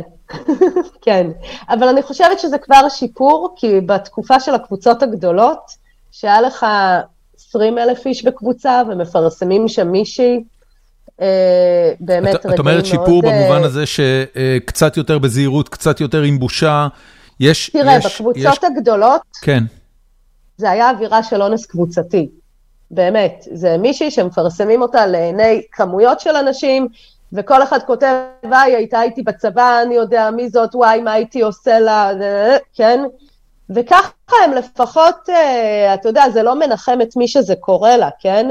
אבל בתצורה החברתית של זה, לפחות אתם אה, מחליפים קלפי, אה, קלפי סופרגול, ולא, ולא מבצעים לינץ' בחוצות העיר, כן?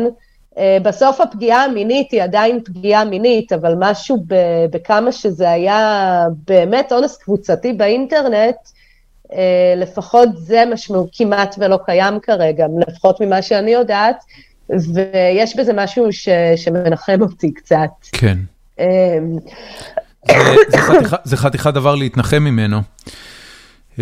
אבל, אבל בסדר, זה, זה באמת, זה, זה יותר טוב כשמתחילה להתגנב בושה לתוך ה, לתוך העניין.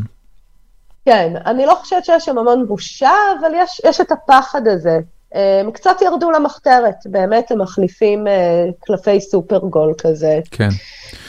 לואי סי קיי אומר על זה שאם לא היה חוק נגד רצח, אז לא היית סומך על בן אדם שלא רוצח. היית אומר, מי זה המשוגע הזה? כאילו, למה, למה הוא לא רוצח?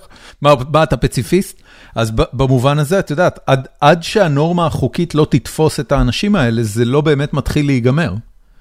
אמ, כן, בואי, בואי כן. נתקדם עם, ה, עם, ה, עם, הש, עם, עם התחקיר הזה.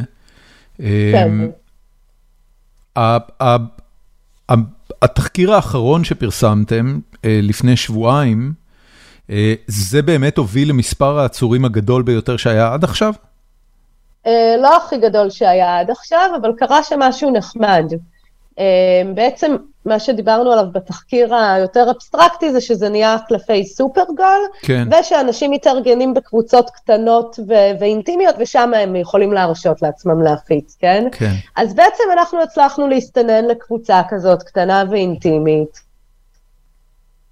15 אנשים, כולל אותי ואת uh, מישל שם בדוי. את מתחזה לגבר בסיטואציות כאלה? Uh, האמת שלא, יש לי, יש לי כזה, הפרופיל שלי בטלגרם הוא גנרי כזה, כי אני גם משתמשת ב... לא, לא עשיתי את זה מכרטיסים okay. אחר okay. האמת. אני לפעמים כן משתמשת בפריפיידים ו- ודברים כאלה בתחקירים שלי, אבל זה ספציפית דווקא היה ממש על, ה- על החשבון הרגיל שלי. אוקיי. Okay. וזהו, והגענו לשם, וזו קבוצה קטנה, ובאמת אה, אינטימית, ואתה מבין שאנשים שיש שם הם אה, מפיצים גדולים. חלקם הגדול הם מפיצים, אה, מפיצים מאוד גדולים. אתה, אתה רואה כמה פעמים לפעמים אה, הודעה מועברת, ואתה רואה שהכל נשלח מאותו חשבון. זה לא, זה, לא בין, זה לא אנשים ששולחים פעמיים ושלוש, כן? זה אנשים שזה באמת, ה... זה, זה לא תחביב, אצל חלקם זה מאוד ברור שזו התמכרות גם, כן?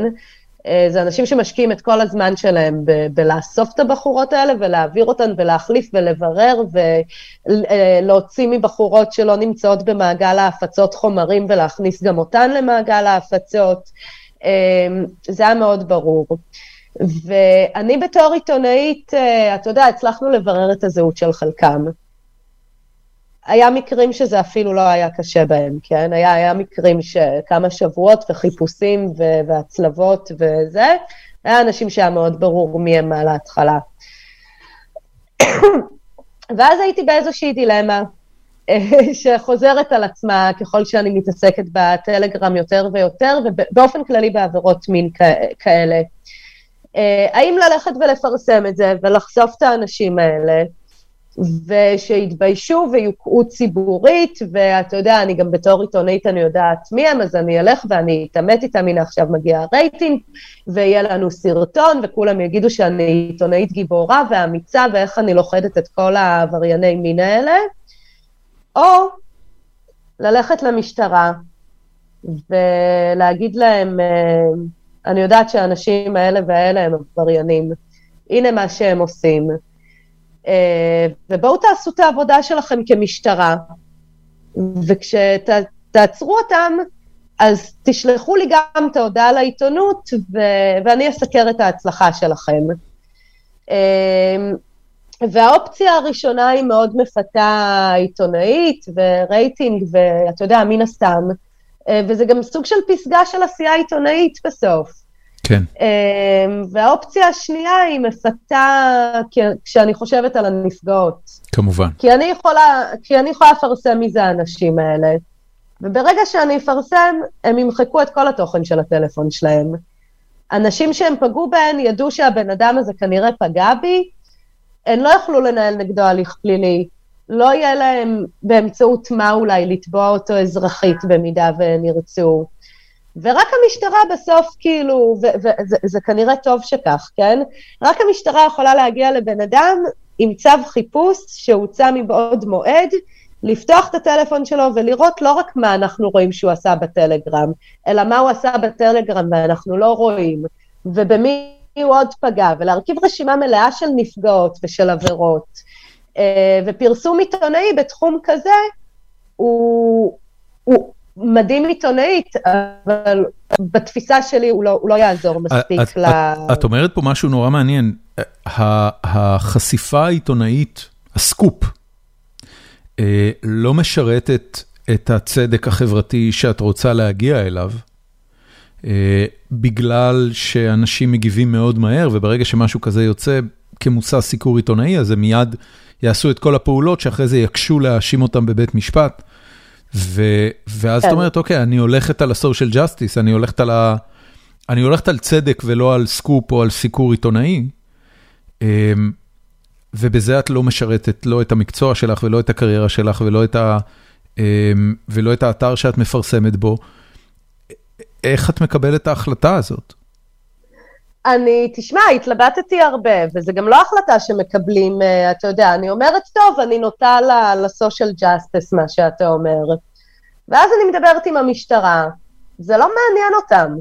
כאילו, אני מביאה לכם תיקים על הרצפה, וזה לא מעניין אותם. ואז באמת, אני ומישל עברנו איזה חודשיים יותר לדעתי אפילו, כשיש לנו את כל הדברים האלה, והאנשים האלה גם ממשיכים להפיץ, כן? אה, של לעניין את המשטרה, להגיע לבן אדם במשטרה שיגיד זה מעניין אותי ואני הולך לחקור את זה, כאילו שנשאר לך גם הרבה מה לחקור, סליחה על הזלזול משטרת ישראל, במקרה הספציפי הזה של קבוצת שיתופים. אני מניח שהתחקיר במקרה שלהם, תראי, אני, אני, אני חושב על זה מזווית ראייה של שוטר, הרי בסופו של דבר, אה, כדי שצדק יקרה, כדי שפוגע, אה, שאשמתו הוכחה, יישב בבית כלא או, או פשוט ייענש, עזבי כרגע איזה עונש, ייענש. אה, המשטרה צריכה לציית לחוק, והחוק וסדר הדין הפלילי מחייב איזשהו סט מסוים של עדויות, לא יודע מה. תחקיר עיתונאי לא נדרש לעמוד בסטנדרטים האלה, זאת אומרת העבודה של המשטרה היא שונה, אני לא יודע אם היא קשה יותר או קשה פחות, אבל היא שונה מהעבודה של התחקיר העיתונאי. היא מאוד שונה, גם אתה יודע, למשטרה יש הרבה אמצעים שלי אני כעיתונאית. שוב, נכון. אני, אני לא יכולה לקחת לבן אדם את הטלפון נכון. ו... ולחטט בו. כן. לא, בן אדם, אני, אני רוצה להתעמת עם מישהו, אני צריכה ללכת ולתפוס אותו. אה, אה, כאילו, אין שום דבר שיחייב, כאילו, בסוף איזה שוטר שתופס אותו, אה, הוא מבוקש לחקירה להביא אותו אליי בסופו של דבר, כן?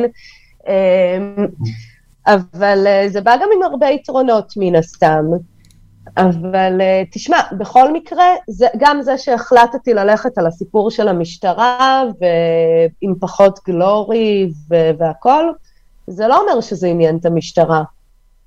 אה, ולקח לנו המון זמן בכלל אה, להביא את זה לעיניים הנכונות ולבן אדם עם התושייה בתוך המשטרה, שכבר גם היה שם צירוף נסיבות של כבר כמות uh, תלונות שאי אפשר היה להתעלם ממנה, כי נשים גם כל הזמן הגישו תלונות, uh, אבל היה איזשהו צירוף נסיבות שבסוף גרם לפתיחה של חקירה uh, נגד הקבוצה הזאת ונגד האנשים בה, uh, וזה היה מצוין, ובאמת בסוף בוצעו uh, שבעה מעצרים, מתוכם uh, אחד היה של בן אדם שהיה טעות בזיהוי. Uh, כנראה שתהיה לי כתבה על זה. טעות אני, בזיהוי, זאת אומרת הוא לא באמת כן. הפיץ? כן, כן, הוא לא, הוא לא היה בקבוצה הזאת, אני, אני כנראה אעשה על זה כתבת המשך קטנה. אוקיי, אז תשלחי לי את הלינק אה, ואני אעדכן את זה. אמ, ודאי. אה, וזהו, והנה הם, אה, וזה משהו שלא קורה, שהמשטרה מגיעה לקבוצה אינטימית, סודית, סגורה, עוצרת חצי מהחברים בה, הייתי רוצה לראות גם את החצי השני במעצר, כנראה שזה אנשים שכמוני הם לא הצליחו לברר מי הם. אמ, ואחד שלא משנה, בסוף זה לא היה מספיק פלילי, הדברים שהוא הפיץ, אבל אה, אה, הייתי רוצה לראות יותר אנשים, אבל, אבל זה כן משהו מאוד ייחודי, שאתה בעל שדה כאילו, שאתה עוצר קבוצה במלואה, כן? אה, לא במלואה בחציה, אבל כי באמת יש עוד המון קבוצות כאלה. ועכשיו מה שהמשטרה קיבלה, וזה, אני, אני הייתי חולמת להיות במקומם כרגע, זה את הטלפונים של האנשים האלה. כלומר, במקום המשטרה. כן, זה את הטלפונים של האנשים האלה, עם כל הקבוצות שהם נמצאים בהן. כן. עם כל ה... מי התחיל להעביר. אה, זה, זה זהב לנפגעות, זה, בחלק מהמקרים אתה ממש יכול אה, לעקר שרשרת הפצה, אתה יכול אולי אפילו לסיים הפצה של מישהי. מה שאני... וזהו, ועכשיו הם יושבים על החומרים האלה, ואנחנו צריכים להחזיק להם אצבעות, שהם יהיו יסודיים ו...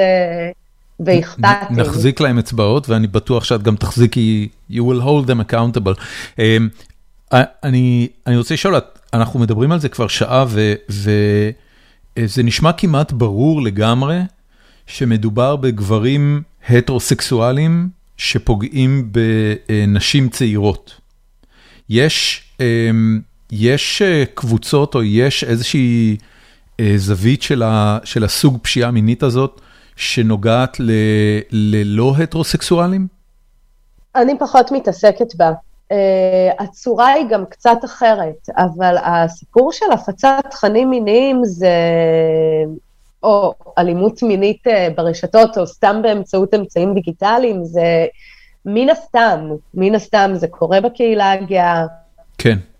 גם אמרתי לך קודם, נשים לא, לא פותחות קבוצות ו, ומפיצות דיק פיקס עם נכון. הפרטים של הבן אדם, אבל, אבל אם מישהי צילמה סרטון מיני עם חבר שלה, אה, יש כאלה שמסוגלות להראות את זה לחברה הטובה, ווואי, תראי, תראי איזה גדול יש לו, לא יודעת מה, ו, וזה זה, זה, זה לא, כנראה משהו שהבן אדם שמככב שם ומרים אותו לא היה רוצה שיקרה. תגידי, או אה, לא היה רוצה לשמוע דיבור כזה עליו. איך הדבר הזה, איך, איך שלוש שנים של התעסקות בזה, וחשיפה לרוחב התופעה, וכמה אה, כמה נשים נפגעות ממנה וכמה גברים מעורבים בזה, איך הדבר הזה משנה את התפיסה שלך לגבי, אה, אה, לגבי כל, כל הגברים כולם? אני מראש לא היו לי, אתה יודע, ציפיות גבוהות. אוקיי. סתם. לא, תראה, אבל האמת היא, אה, אין לי בעיה, אין, כאילו, אתה יודע, אנשים שעושים את זה הם עבריינים, לא, לא אה, כולם עבריינים. איזה אחוז, באוכלוסייה לדעתך אה, נמצא בקבוצה הזאת? תראה, בקרב אנשים צעירים, שוב, הקבוצות טלגרם, אני מתעסקת בטלגרם בגלל הפלטפורמה, כאילו, אבל זה, זה קורה בוואטסאפ וזה קורה כן, בדיסקורד. זה קורה בכל מקום. בזה. פשוט כשאתה מגיע, כשאתה מגיע, כשאתה מגיע למשטרה ואומר, אה, פגעו בי מינית בוואטסאפ, אז המשטרה אומרת, hmm, אנחנו יכולים לחקור את זה, או בדיסקורד, הם אומרים, אה, ah, אנחנו נפנה לדיסקורד העולמית, והם יעזרו לנו לטפל בזה. בטלגרם, הם אומרים לך, לא משנה, כאילו, לא משנה ש... זה רק קורה בטלגרם, אבל, אבל בשביל לפצח את זה לא צריך שום ידע בטלגרם אפילו. כן. אבל בטלגרם אומרים לך, אנחנו לא יכולים לעזור עם הטלגרם. יש איזה, אתה יודע, כשאתה מגיש תלונה באינטרנט על אה, עבירות אה, ברשת, כן, תביא לי את האחראי לאינטרנט. יש לך את כל האפליקציות, כן, יש לך את כל האפליקציות ואת כל הפלטפורמות, חוץ מטלגרם, משום מה הטלגרם לא מופיע שם. אבל לא, אני, לא ענית לי בכלל על השאלה. כל מה שאמרת זה שלא לא, לא, לא באת עם... אה, עם ציפיות גבוהות מדי לגברים, אבל זה, זה, זאת אומרת, יש מישהו שאת פוגשת, שאת אומרת לעצמך, תקשיב, אין אין, מצ... אין מצב שהבן אדם הזה שאני מדברת איתו עכשיו, אה, כולל אני אפילו, אה, לא הטריד מינית אף פעם בחיים שלו, לא נחשף אף פעם לתכנים פוגעניים. כאילו, אה, איך הדבר הזה צובע את המציאות שלך? אני לא, אני לא מסתכלת על אנשים ככה. אוקיי. Okay. כאילו, אתה יודע, יש לי, יש לי את החברים שלי, ויש לי אנשים שאני אוהבת ואני סומכת עליהם, ו... לא יודעת, באיזה שהם קשרים אישיים איתם. מה את עושה עם מישהו ש... אפשר... שאת, שאת מכירה? אה, את, את, את שומעת אפילו ברמז שהוא נתקל בתוכן שהופץ ככה, זאת אומרת, מה, מה, מה התגובה שלך לזה? האמת שאני לא כל כך מתרגשת מזה, נראה לי, בניגוד להרבה אנשים, באמת בגלל זה, זה השגרה שלי, אז אתה יודע, בצורה מסבירה את עמדתי לגבי זה, כאילו, לפעמים גם אפשר לפתח שיחה ו... וזה הרבה יותר יעיל מלהגיד, וואי, אתה לא בסדר, מה אתה נמצא שם, יא נס בן זונה זבל, כאילו. אה, אתה יודע, זה... כן.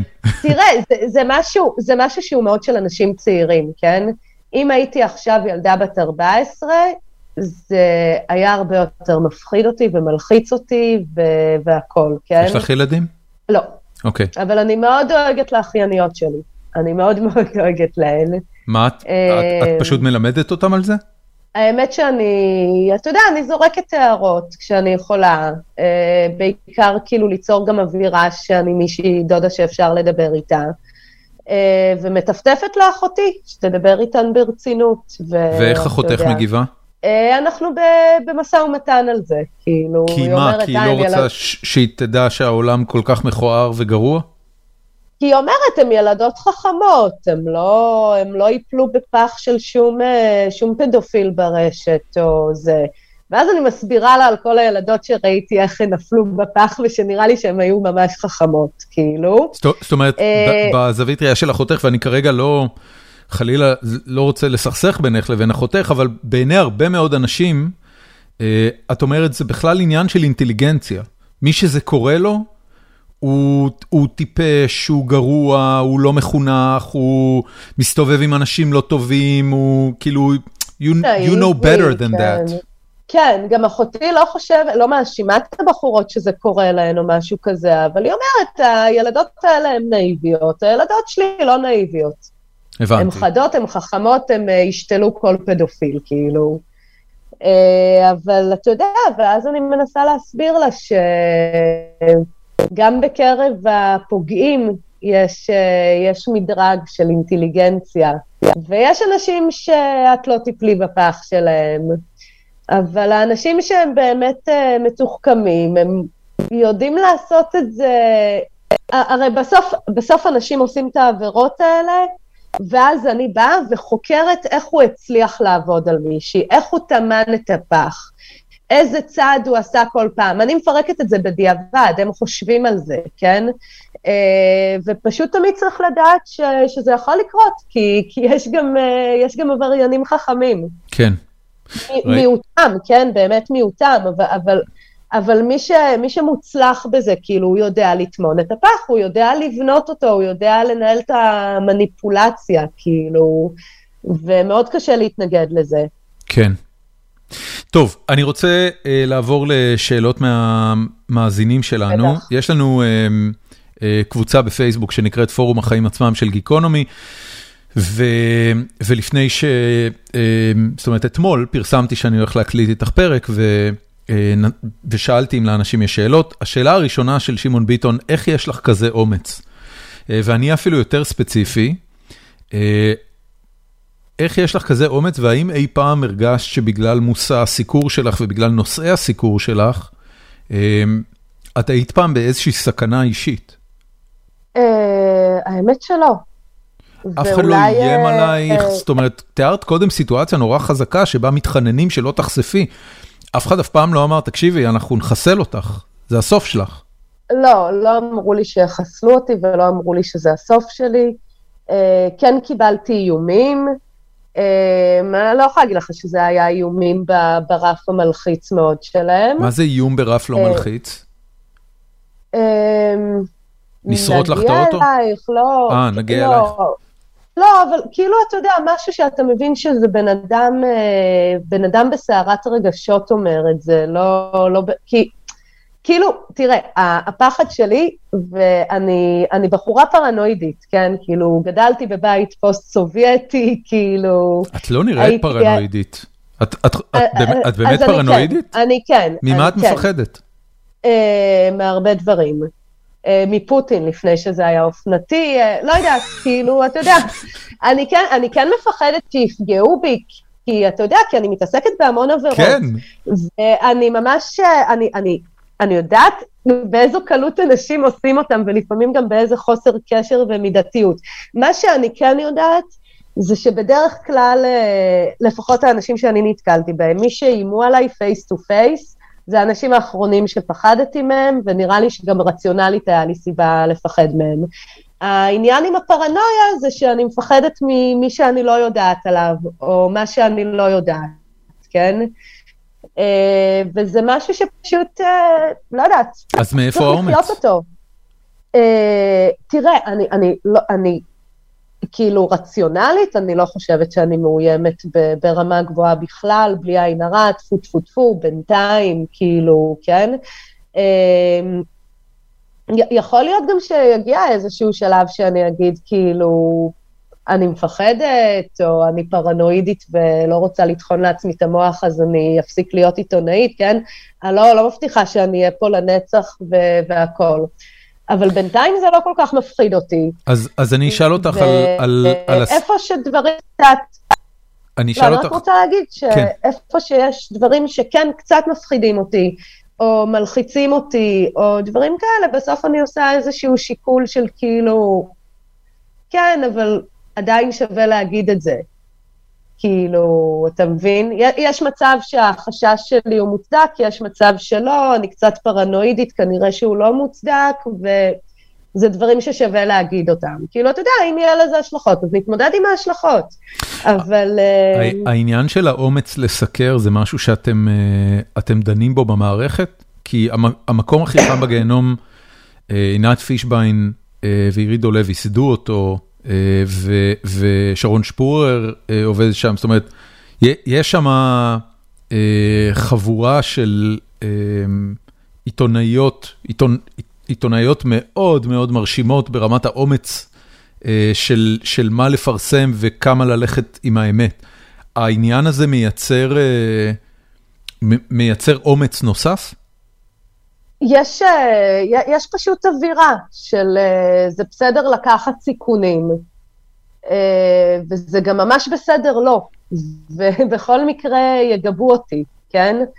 כאילו, אני אגיד לך את האמת, אני, אתה יודע, עיתונות עצמאית, בסוף גם כולנו, כולנו מאוד בודדים, כי בדרך כלל אתה, אתה עובד על דברים לבד, ולא בצוות, וכאילו יש המון בדידות.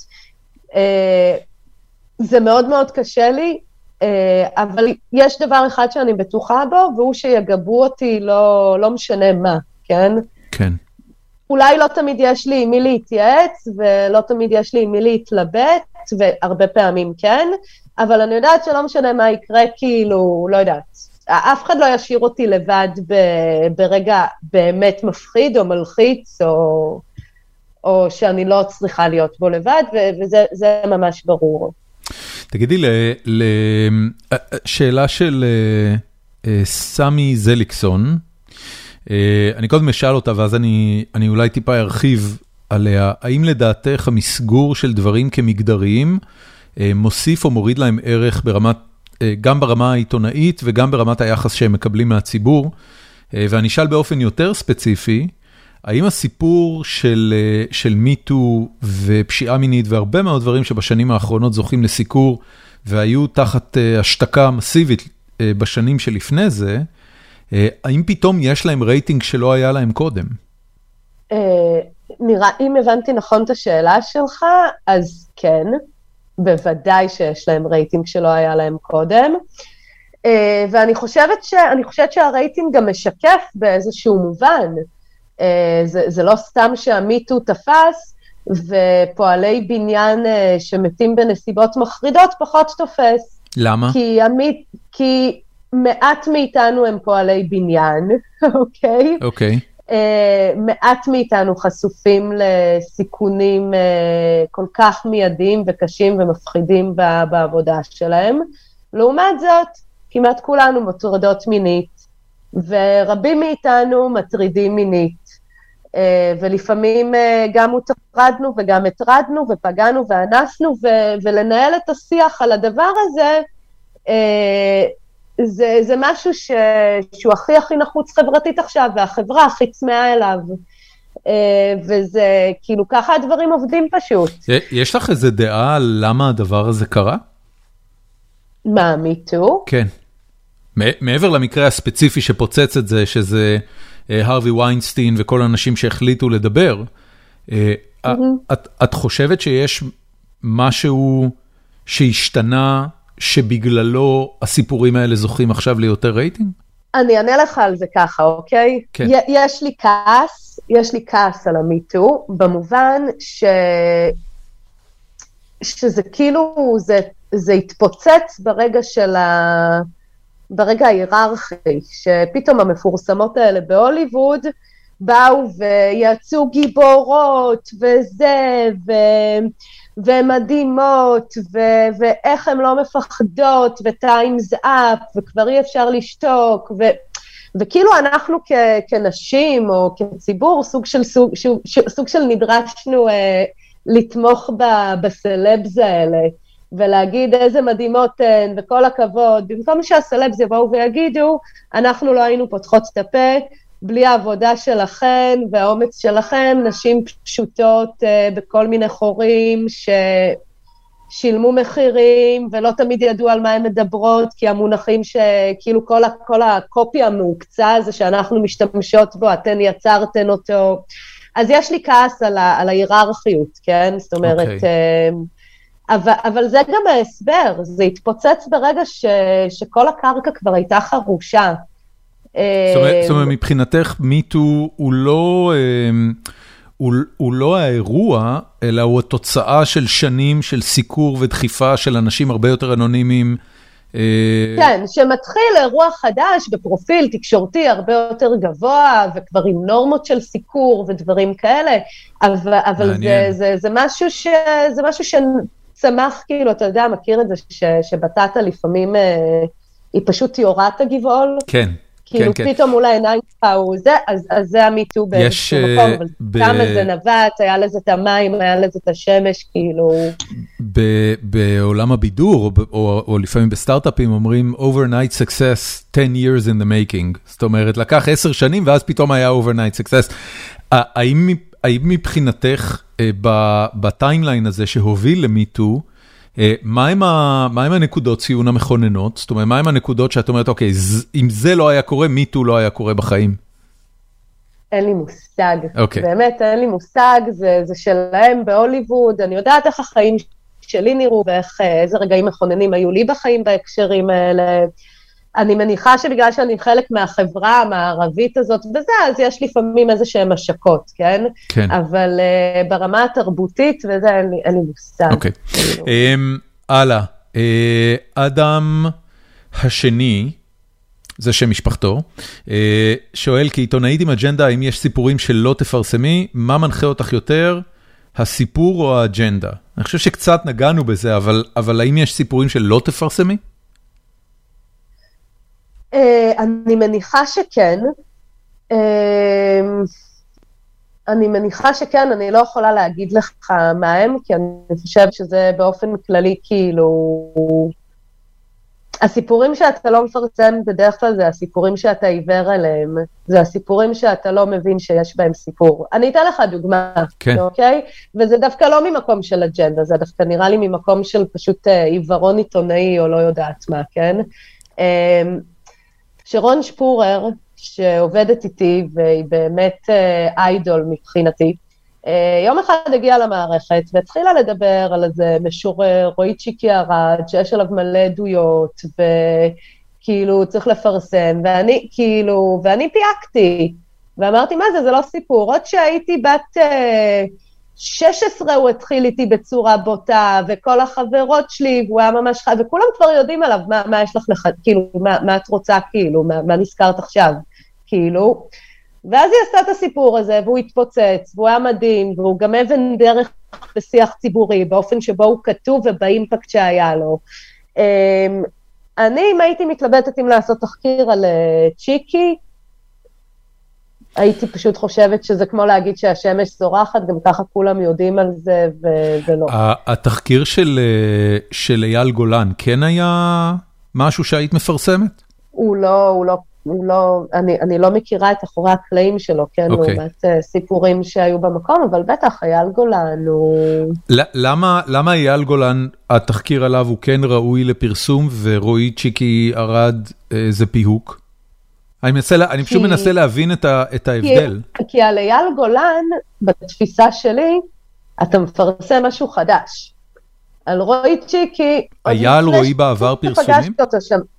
על, על רועי שמעתי דברים, כל, ה, כל הנעורים שלי, כל הזה, חוויתי את זה בעצמי, ב, אתה יודע, באיזושהי דגימה כזאת, אה, לא, לא הארדקור. אמ, כל הזמן ראיתי, חשבתי שזה לא יפתיע אף אחד, זה כמו, זה כמו להגיד השמש זורחת, אייל גולן ו... ומעלליו עם, עם אבא שלו, זה משהו מאוד, משהו okay. אוקיי. שאתה לא מכיר. הבנתי. Um, טוב, uh, מאיה קרול הנהדרת כתבה ככה, uh, אתן קונטרה לשאלות הסמי-שוביניסטיות. מה שנקרא, קודם כל להעמיד את כולנו במקום. מה הדבר שאת חושבת שצריך להשתנות במשטרה כדי שיהיה טיפול מוצלח יותר בעבירות מין? האם בכלל יש סיכוי שדברים ישתנו? האם יש משהו חיובי שגילית על המשטרה תוך כדי התחקירים שלך. והיא מוסיפה, תודה למשה על הכל, היא גורמת לי להרגיש בטוחה יותר בעולם הזה, אני המעריצה מספר אחת שלה. והיא גם קיבלה מלא לייקים על, ה, על השאלה הזאת. אז בואי נדבר קצת על המשטרה. אה, וואי, טוב, אני אתחיל מהשאלה הקלה, האם אה, נוצר לי אמון. לא. לא, לא, פגשתי, יצא לי, כן, יצא לי לפגוש שני חוקרים שהם באמת מדהימים, ויצא לי להתקל גם בעוד כמה חוקרים שעשו עליי רושם מאוד מאוד טוב. ונראה לי שיש חוקרים בישראל, אה, לא, לא רבים, אבל, אה, אבל המשטרה כגוף, כאילו, לא יודעת מה, אני, אני לא יכולה לייאש יותר, אה, יותר מי, כן? אני גם איפשהו בתפיסה, בתפיסה הפוליטית הרחבה שלי, אני, לא יודעת, אני חצי אנרכיסטית, כן? אני, אני מרגישה ש... כאילו, כי הרבה פעמים שיש מחדל, אז אומרים, המערכת צריכה לטפל בך, המערכת צריכה לטפל בזה. את לא בעד המערכת. זה אשמת... זה, אני, זה לא עניין של בעד המערכת, אני חושבת שאנשים גם יודעים לטפל בבעיות שלהם בעצמם, וזה חלק מאוד חשוב מהקיום החברתי שלנו, לא, לא לגלגל ההוט פוטטו, אלא גם, ואנחנו רואים את זה דרך אגב במיטו, שזה לא רק המשטרה, וזה לא רק זה, זה גם הבוס, וזה גם החברים, ו... ואני חושבת שאנחנו כחברה גם צריכים לדעת לטפל בבעיות שלנו בצורה קהילתית, לא, לא, רק, לא רק לברור את המוסד, את המוסד עם, ה, עם הכוח ו, ולתת לו את הכוח ולפקח עליו או לשחרר אותו, כאילו לנהל דיאלוג מול המדינה. אנחנו, את חושבת כאילו, שיש... אנחנו כחברה את... צריכים לדעת לעשות דברים בצורה שיש... שהיא למען עצמנו. את, את חושבת שיש דרך אזרחית אה, לא משטרתית, לא פלילית, אה, לטפל בנושא הספציפי הזה של הפצת תמונות פרטיות באינטרנט? אז אני כרגע לא מצאתי אחת, בגלל זה אני כל כך בממשק עם המשטרה, כן? אבל אה, היה חשוב לי להגיד את הקטע החברתי, כי, כי, כי, כי המשטרה לא יכולה להיות הפתרון היחיד, ושום משרד ממשלתי לא יכול להיות הפתרון היחידי לכל הבעיות שלנו, כן? אה, ספציפית בעבירות שהן סייבר, כאילו, ובטח ובטח שעבירות מין, כן? שוב, אני לא יכולה לקחת לבן אדם את הטלפון ולחטט לו, ואני לא חושבת שהאינטרס החברתי שלנו זה שעיתונאי אה, יוכל להיכנס לטלפונים ברור. של אנשים, כן? זה, זה המקום שבו אתה כבר חייב את המשטרה. אה, מבחינת המודעות החברתית שלנו, אנחנו גם חייבים אותה, כי אם היינו בנקודה שבה להפיץ תמונות זה פסול, ובן אדם שעושה את זה, הוא צריך uh, לתת את הדין, לאו דווקא הפלילי, אלא יותר החברתי, uh, ואותנו כחברה מעניין uh, לדבר איתו uh, על מיניות ולהסביר לו על אלימות ו- ולפקח על זה שיהיו לו חיים uh, יותר uh, בונים ומטיבים ו- והכול. אז לא היה צריך את המשטרה, אז זה היה מספיק שאני אבוא בתור עיתונאית ואני אגיד, תפסתי את הבן אדם הזה מפיץ תמונה, והיינו לוקחים את זה משם כחברה לטובת הפוגע ולטובת הנפגעות והכל. אבל כרגע אנחנו נמצאים באיזשהו מקום שרק המשטרה יכולה להשיג את הראיות האלה, ואתה צריך הרבה ראיות כאלה, כי, כי אפילו המשטרה לא מבינה עד כמה זה עבירות חמורות ו- והכל. כן. ובטח שלנפגעות אין אופציות של, של שיקום וצדק. בקיצור, אנחנו חייבים את המשטרה לעבירות מין באינטרנט. תגידי, את חושבת שלרוב הנפגעות היה עדיף לקבל כסף במקום ענישה? אה, אין לי מושג, בתחושה שלי לא. אוקיי, זאת אומרת, הן לא. רוצות לראות את האנשים האלה נכנסים לכלא, או... הן הכי רוצות שהשם שלהם יתפרסם. הן לא תמיד יכולות, כי לפעמים זה יחשוף אותן. אבל ממה ש... כאילו, המכנה המשותף זה שהן מתות שכולם ידעו על הבן אדם הזה. כדי להזהיר מפניו? כדי, כדי לקבל איזושהי... גם כדי להזהיר מפניו, זה, זה איפה שיש לך אחדות מופלאה, בין, אה, בין נקמה ובין צדק. כאילו, מעניין. אה, כי, כי זה באמת, אה, באמת בשביל להזהיר ושידעו והכול, בשביל שידעו עליו להמשך, וגם כי זה מה שהוא עשה להם. כי זו המידה כנגד מידה. הבנתי. זה, זה כאילו ה punishment. את אומרת האינסטינקט פה הוא שהוא יחווה את מה שאני חוויתי. כן, או הוא לקח לי את הפרטיות. גם לו לא, לא מגיעה פרטיות. כן. טוב. כאילו הילדים שלי כאילו יראו, יראו אותי מזדיינת לפני שהם ילמדו לדבר, לפחות שהילדים שלו ימצאו את השם שלו בגוגל. כאילו. כן. אה, דנה בריל כתבה, היא לא שאלה שאלה, אבל היא כתבה לך שאת מדהימה. אה, טלי פיקסלר גניה שאלה, אה, את נחשפת לביובים אנושיים באופן קבוע, זה משפיע עלייך ברמה האישית? את ישנה טוב בלילה? כן, אני בן אדם שישן ממש טוב בלילה בדרך כלל. במהלך היום, לא יודעת, יש חרדות, לא יודעת, לפעמים המצב רוח שלי לא מדהים, לא, לא יודעת. אבל אנחנו חייבים לזכור שעיתונאים באמת מתעסקים הרבה פעמים בדברים מאוד קשים. מאוד. וגם שוטרים וגם פרקליטים. אה, וזה חלק מהחיים, אני מניחה שאנשים שלא מפסיקים כאילו יודעים... אה, אני לא יכולה להגיד איך אני יודעת לנהל את זה, אבל אני יודעת שאני עושה משהו נכון, כי, כי אני לא אדישה לזה, אבל אני גם מצליחה, וזה מאוד משפיע עליי ו, וקשה לי הרבה פעמים, אבל אני גם מצליחה לנהל חיים אה, שלא קשורים, או כאילו לא מושפעים מזה בצורה הרסנית. את... את את עושה את זה כבר כמה שנים טובות. אה, את חושבת באיזושהי נקודה, בהנחה שתמשיכי במקצוע העיתונות, שאת תגידי, אוקיי, עד כאן אה, סיקור אה, הביוב האנושי, אני רוצה ללכת לסקר דברים יותר נעימים, צרכנות, תיירות, לא יודע, פוליטיקה, דברים שהם קצת אולי... קודם כל. פוליטיקה זה הביוב הכי גדול שיש. אוקיי, okay, fair enough. גם באמת הצדדים שם הם לא תמימים, אתה יודע, בכל הביובים האלה. כן, אבל לפחות את מסתובבת במקומות נעימים יותר, את את, את לא נחשפת לזוועות אנושיות על בסיס יומיומי? לא. לא, לא, אני ממש חושבת שלהיות בכנסת זה זה, זה, זה יותר גרוע מלגלול בהפצות בטלגרם, באמת, אל תיעלבו כנסת, אבל מהפעמים שהייתי זה לא... זה לא מרגיש מקום טוב להיות בו. אוקיי. Okay. אה, אבל תראה, אני לא יודעת, אני, אני, מקווה, אני מקווה שכל עוד אני אהיה עיתונאית, יהיה לי, יהיה לי את החוש, אה, הרי זה בסוף זה לא ביובים, זה, זה סיפורים. וגם תיירות אפשר לסקר בצורת uh, לאן, לאן ניסע בפסח הקרוב וכמה זה יעלה לנו, ואפשר לעשות תחקירים על, uh, נגיד כמו התחקירים הגדולים האלה על כל המקרי אונס ב-Airbnb ואיך Airbnb מטייחים את זה כתאגיד, אה, כאילו יש המון דברים שרלוונטיים ל, ל, לאנשים שהם תיירים חוץ מהכסף שדברים עולים להם. כן. אני שנייה חייבת להביא מתן למחשב. יאללה, לכי, נעצור את ההקלטה. אז uh, מה שאני אומרת זה שאתה יודע, בסוף הסיפור זה איך, אה, איך אנחנו מסקרים דברים. ואיזה ביוב אנחנו מוצאים בכל תחום, אה, נוצץ וסחי וזה, הרי דרך אגב, גם כאילו... אני, אני רוצה רגע של... לעצור אותך, סליחה שאני קוטע, אבל ההגדרה של ביוב, אמ, את, את יודעת, אני לא רוצה חלילה להעליב, והמילה וה, ביוב פה מטרתה לא להעליב, אלא, אה, אלא באמת לתאר אה, מושא סיקור וסיפורים, שקשה לדמיין שאת מסיימת יום של כתיבת כתבה כזו או תחקיר כזה, ולא יוצאת עם תחושה נורא נורא כבדה אה, של, של, את יודעת, זה צובע את המציאות שלך. אם אתה 70 אחוז מתעסק באנשים נוראיים שפוגעים בזולת, הדבר הזה צובע באיזשהו מקום את התודעה שלך.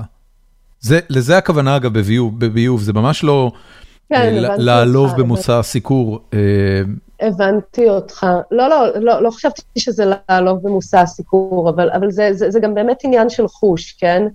כי אנחנו, אנחנו חיים בעולם שהוא, שהוא באמת אלים ו, ולא נעים. כן. ולאנשים אה, אפילו קצת יותר חלשים בו, לפעמים אה, נורא מהר נגמר להם הסיכוי בגלל רצף של אירועים שקורים, או אירוע מאוד טראומטי אחד. וכל עוד הדברים האלה קיימים, אני חושבת שהתפקיד של עיתונות זה, זה לחפש אותם ולהעיר אותם ולחשוף את הדפוסים שלהם, ואתה יודע, ואני פשוט מקווה שכל עוד, אתה יודע, גם אם מחר אני אסקר אה, נסיעות לאילת, טוב, שם זה מאוד קל למצוא את הביוב, אבל כן. למצוא את הביוב, למצוא, למצוא את איפה שבאמת אה, אנשים, מוסדות, אנחנו כחברה, פשוט uh, מתעללים באחרים, פוגעים בהם, כי, כי כל עוד הדברים האלה קיימים, חייבים לדבר עליהם. כאילו, אנחנו חייבים להשתפר.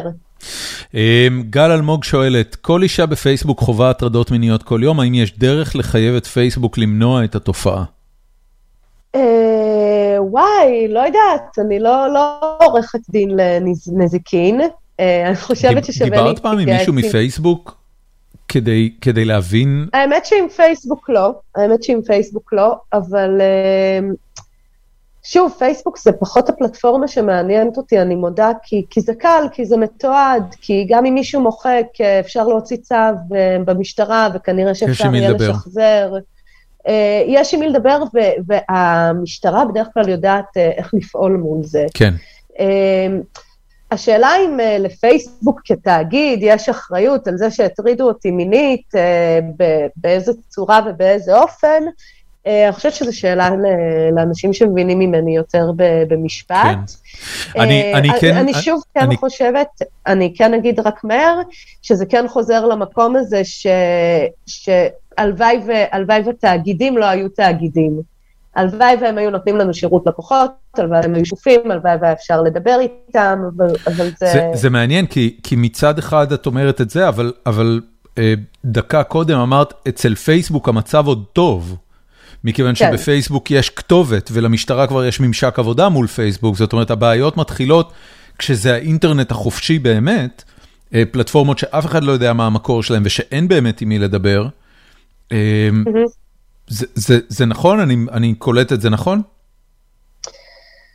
כן, תראה, אבל uh, כמו שאנחנו רואים, uh, עבריינות יש גם בפייסבוק, כי עבריינים הם עבריינים, כאילו מי, ש, מי שמתוחכם פחות עושה את זה בפייסבוק, מי שמתוחכם יותר עושה את זה בטלגרם, מי שמתוחכם ממש גם יודע להסתיר את הפרטים שלו בטלגרם, שזה כן. משהו שהמון עבריינים בטלגרם לא יודעים. אבל, uh, אבל כאילו, אתה יודע, בסוף בסוף כאילו מעניין אותי באמת, אה, באמת מי שמבצע את העבירה ויותר בדרך כלל הדפוסים של איך שהיא קורית. אז העניין של הרשתות ופייסבוק וטלגרם הוא חלק מאיך שהיא קורית, כן? אבל העבירה היא לא, היא לא בתוך הפייסבוק והיא לא בתוך הטלגרם, כאילו. כן. אה, זה לא הפלטפורמה, הוא... אגב, זה, זה, אנחנו, חשוב אולי להגיד את זה, הפלטפורמה היא בסך הכל פלטפורמת תקשורת. אה, הפלטפורמה כן. מאפשרת לאנשים לעשות את כל מה שהם רוצים, זה האנשים שבוחרים. אמ, כן, ואתה יודע, יש את זה אצל המון המון נפגעות, שהן מתות שיסגרו את הטלגרם. הן מתות שמשטרת ישראל תכבה את המתג של הטלגרם, כן? א', משטרת ישראל לא יכולה לעשות את זה. ברור. ואני חושבת שאני, אני כאילו, לא, אולי אני בן אדם קצת מפוקח. מפוקפק כאילו, אבל אני צריכה את הטלגרם. אמרת שאת בן אדם מפוקפק? לא משתפת, אולי כן, אני, אני צריכה שתהיה פלטפורמה שלא משתפת פעולה עם ממשלות, לא מוסרת מידע, לא אוספת עליי דאטה, למה? כן. כי, כי אני רואה איך התארגנה המחאה בבלארוס, ואני כן, רואה כן, איך כן. אנשים, זה, זה הטלגרם עזר להם לשמור על החיים שלהם בקזחסטן, וכאילו, אתה יודע, ובסוף העבריינים הם עבריינים. זה כאילו, הפרדוקס הליברלי. רוב, לא... רוב האנשים שהם ליברליים, אה, אה, או, או, או לפחות בארץ, אה, קשה להם עם המקומות שאליהם הליברליזם לוקח אותך, אתה יודע, הנקודה שבה ממשלה כן. שולטת על פלטפורמה היא בעייתית. אגב, אה, סתם מתוך סקרנות, את ממקמת את עצמך בצד הימני של המפה הפוליטית? מדיני, כלכלי, כאילו... כלכלי, כלכלי חברתי. לא, אני לא יודעת. Okay. אני, אוקיי. אני חושבת שדי שמאל, אני כן יכול, יכולה להגיד שהגד... לא יודעת, לא יודעת למה ההגדרות האלה כבר uh, רלוונטיות. Uh, די, די שמאל, כאילו, okay. אוקיי. אבל, uh, אבל יש לי גם מאוד את העניין עם, uh, כאילו, עם חירות ו, וחירויות okay. כן. וחופש, ו, וזה חשוב, ו, ואני לא רוצה שאף אחד יגביל את זה. כן, כאילו. כן, כן. Um, טוב, uh, שתי שאלות אחרונות um, על uh, המקום החם בגיהנום. אמ, השאלה הראשונה של דן רוזנשטיין, וסליחה, אני אני אאגד אותן ביחד, אה, למה אתן היחידות שעושות עיתונות כנה? האם עיתונות מהסוג הזה היא סקלבילית? אני מניח כשהוא מתכוון סקלבילית, אה, הוא מתכוון להאם היא יכולה להצליח אה, הצלחה מסחרית משמעותית, או שהכסף יטנף הכל, והוא מוסיף תודה על הכל, זה באמת עוזר לדעת שיש אנשים כמוכן.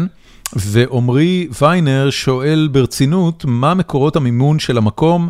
האם אתם עצמאיים לחלוטין בהיבט הזה?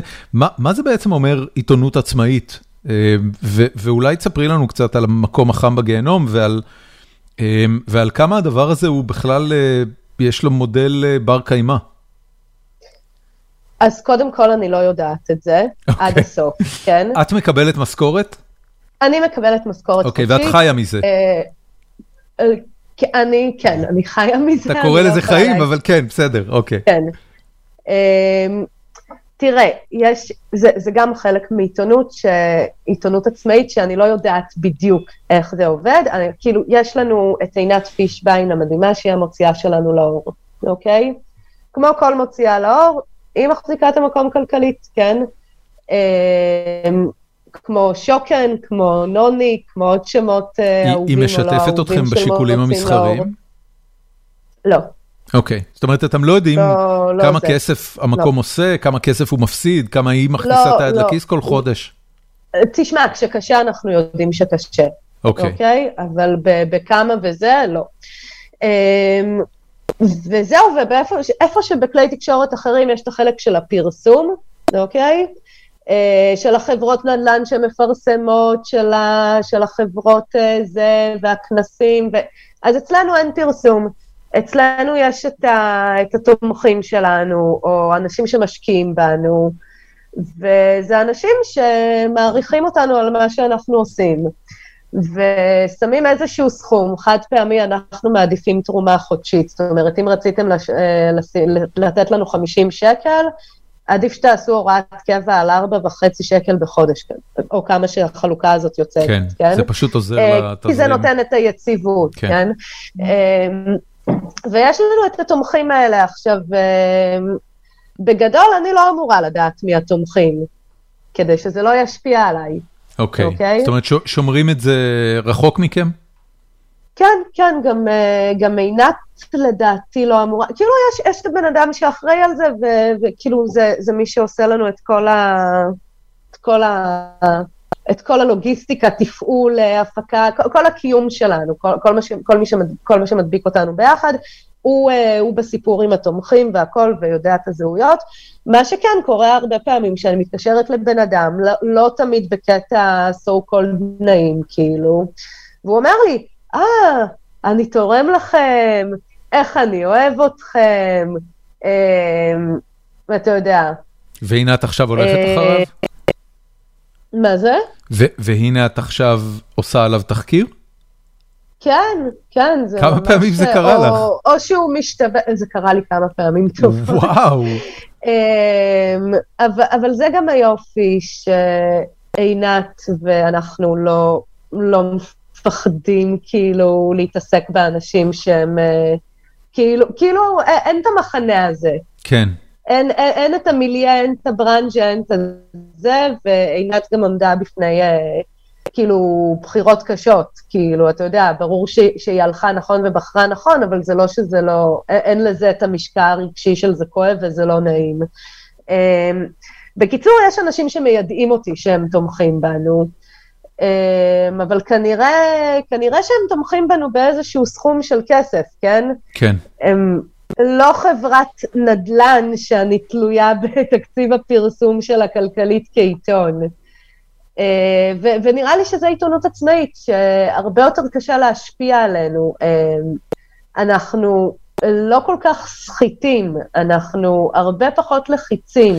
תקשיבי, אני רק, אני, אני, אני, אני אותך מכיר רק עכשיו, אבל, אה, זאת אומרת, אני מכיר את הסיקור שלך כבר הרבה זמן, אבל פוגש אותך רק עכשיו, את שרון שפור אני מכיר מכמה שנים אחורה, והיא באמת לא רואה בעיניים של אף אחד, זאת אומרת, she's borderline כן. crazy על העניין הזה, אני מסתכל על זה ואני אומר, אוקיי, היא עושה דברים שבאמת קשה לתאר את כמויות אומץ הלב שצריך כדי ללכת עליהם. אמ, ועינת אה, פישביין, אגב, וגם מירי דולב, אה, הם מהבחינה הזאת באמת אה, המזונות מעוררות הערצה. אמ, מה שיש לנו בדקות האחרונות הזדמנות לקדם, להמליץ, אה, לפרסם כל דבר שאת רוצה. בין אם זה, וואו. כן, בין אם זה דברים שאת רוצה לקדם ובין אם זה סתם המלצות שיש לך לגבי תוכן. מישהו כתב לי השבוע ש, ש, שהוא נורא אוהב את ההמלצות האלה והוא בדרך כלל לומד מהן. ומחכה כל הפרק להן, אז, אז, אז אני אתן לך הזדמנות, חוץ מהמקום הכי חם בגיהנום, שאנחנו, אה, כמובן, אני אשים את הלינק אה, גם לעמוד התרומות, ולכו ותתרמו, אה, מה היית רוצה לקדם? למה? מה זאת אומרת? לא, כל... לכתוב, יש לי מלא רעיונות. אז תתחילי לשפוך, תגידי הכל. בוא ניתן משהו פרגמטי ככה, ברוח התקופה, גם חוזר למה שהתחלנו לדבר. כן. המלחמה באוקראינה. כן. יש אתר שעלה קצת לכותרות לאחרונה, אבל זה באמת, הם עושים עיתונות עצמאית מעולה. בכל תחום שקיים, חוץ מבתחום של אלימות מינית, ואגב, לעורך הראשי שם יש פרשה בעברו הלא רחוק, כן, וחשוב לשים על זה כוכבית. איזה אתר? אבל הם עושים עבודה, מה זה? איזה אתר? מדוזה, קוראים לו מדוזה. מה זה, זה אתר רוסי? עליו, אוקראיני? כן, הוא רוסי, הוא רוסי. אוקיי. הסיבה שאני ממליצה עליו זה כי יש לו גם גרסה באנגלית, כמעט כל הכתבות שלהם הם גם באנגלית. הם עושים עבודה מדהימה ומעמיקה בהמון תחומים, חוץ מהתחום של אלימות מינית, אבל באמת הם חשפו הרבה מאוד שחיתויות ברוסיה, הם, הכתיבה שלהם על תרבות היא, כשכתבתי על תרבות בהארץ, הם, הם היו ההשראה שלי, האופן שבו הם כותבים שם על תרבות, ואם אתם רוצים להכיר ככה את העולם הפוסט-סובייטי, אז אה, מדוזה, אז אה, זה המקום. תשלחי לי בבקשה את הלינק כדי שאני אוכל לפרסם אותו. בוודאי, בוודאי. מעולה. Uh, אבל, בכל אבל... הסוגיות שלא קשורות למיטו. אבל... את, אבל... זה, את זה צריך uh, לעקוב במקומות אחרים. זה המלצה מעולה, אבל זה לא קידום. יש דברים ש, שיכולים לעזור לך. Uh... זה כאילו מדהים, אני שואל אותך ואת אפילו לא מבינה על, על מה אני מדבר, אני מסתכל על הפנים שלך, ואני אומר, אוקיי, היא אפילו לא מבינה. כן, אני מנסה להבין פה. האם, האם את נותנת הרצאות, האם כתבת ספר, חוץ מהמקום אה, החם בגיהנום, האם יש עוד משהו שאת עושה שאנשים יכולים להיחשף אליו? לא, לא, אני כרגע ממש משקיעה את כל זמני בזה. אוקיי. אתם uh, מוזמנים לעקוב אחריי בטוויטר, אני כותבת... סבבה, אני אשים את הטוויטר שלך. לא, זה, זה, זה מוזר לך שאני שואל? Uh, לא, זה, זה לא מוזר, הייתי צריכה להבין את השאלה שלך יותר טוב, אבל אני באמת, uh, אני באמת שקועה כל כולי במקום הכי חם. אוקיי. Okay. Uh, אני אשמח להרצות בפני בתי ספר, אני עושה את זה לפעמים וזה כיף, ובעברי גם הייתי מורה, אז... מורה למה? לאנגלית. מה, יסודי? Uh, קצת יסודי, אבל הבנתי שזה לא הגילאים שלי, תיכון וחטיבה. רגע, אז זה אומר, אז זה אומר שלמדת גם להיות מורה. כן, כן, יש לי תעודת הוראה באנגלית. מדהים, אימא שלי מורה לאנגלית, כל חייה. ואיך זה כיף. איך עשית הסבה? לא עשיתי הסבה, אני תמיד התעסקתי בעיתונות. התחלתי לכתוב בוואלה זון בגיל 15. אוקיי. וכאילו, לא יודעת, תמיד עשיתי את זה לאורך התואר, לפעמים און, לפעמים אוף, לא, לא יודעת. אז הוראה היה אמור להיות הבקאפ פלן שלך, אם עיתונות לא ילך כל כך טוב? הוראה, הוראה, אני רציתי להיות מורה דווקא, לא, פשוט כאילו כל, כל פעם חזרתי, או עשיתי עיתונות במקביל לדברים אחרים, ובמקום הכי חם מאוד נשאבתי למקום הזה, ו... ואני שמחה עליו. כי... גדול. משה, המון המון המון תודה, גם על הזמן וגם על העבודה הקשה שלך. גם רבה לך ולכם.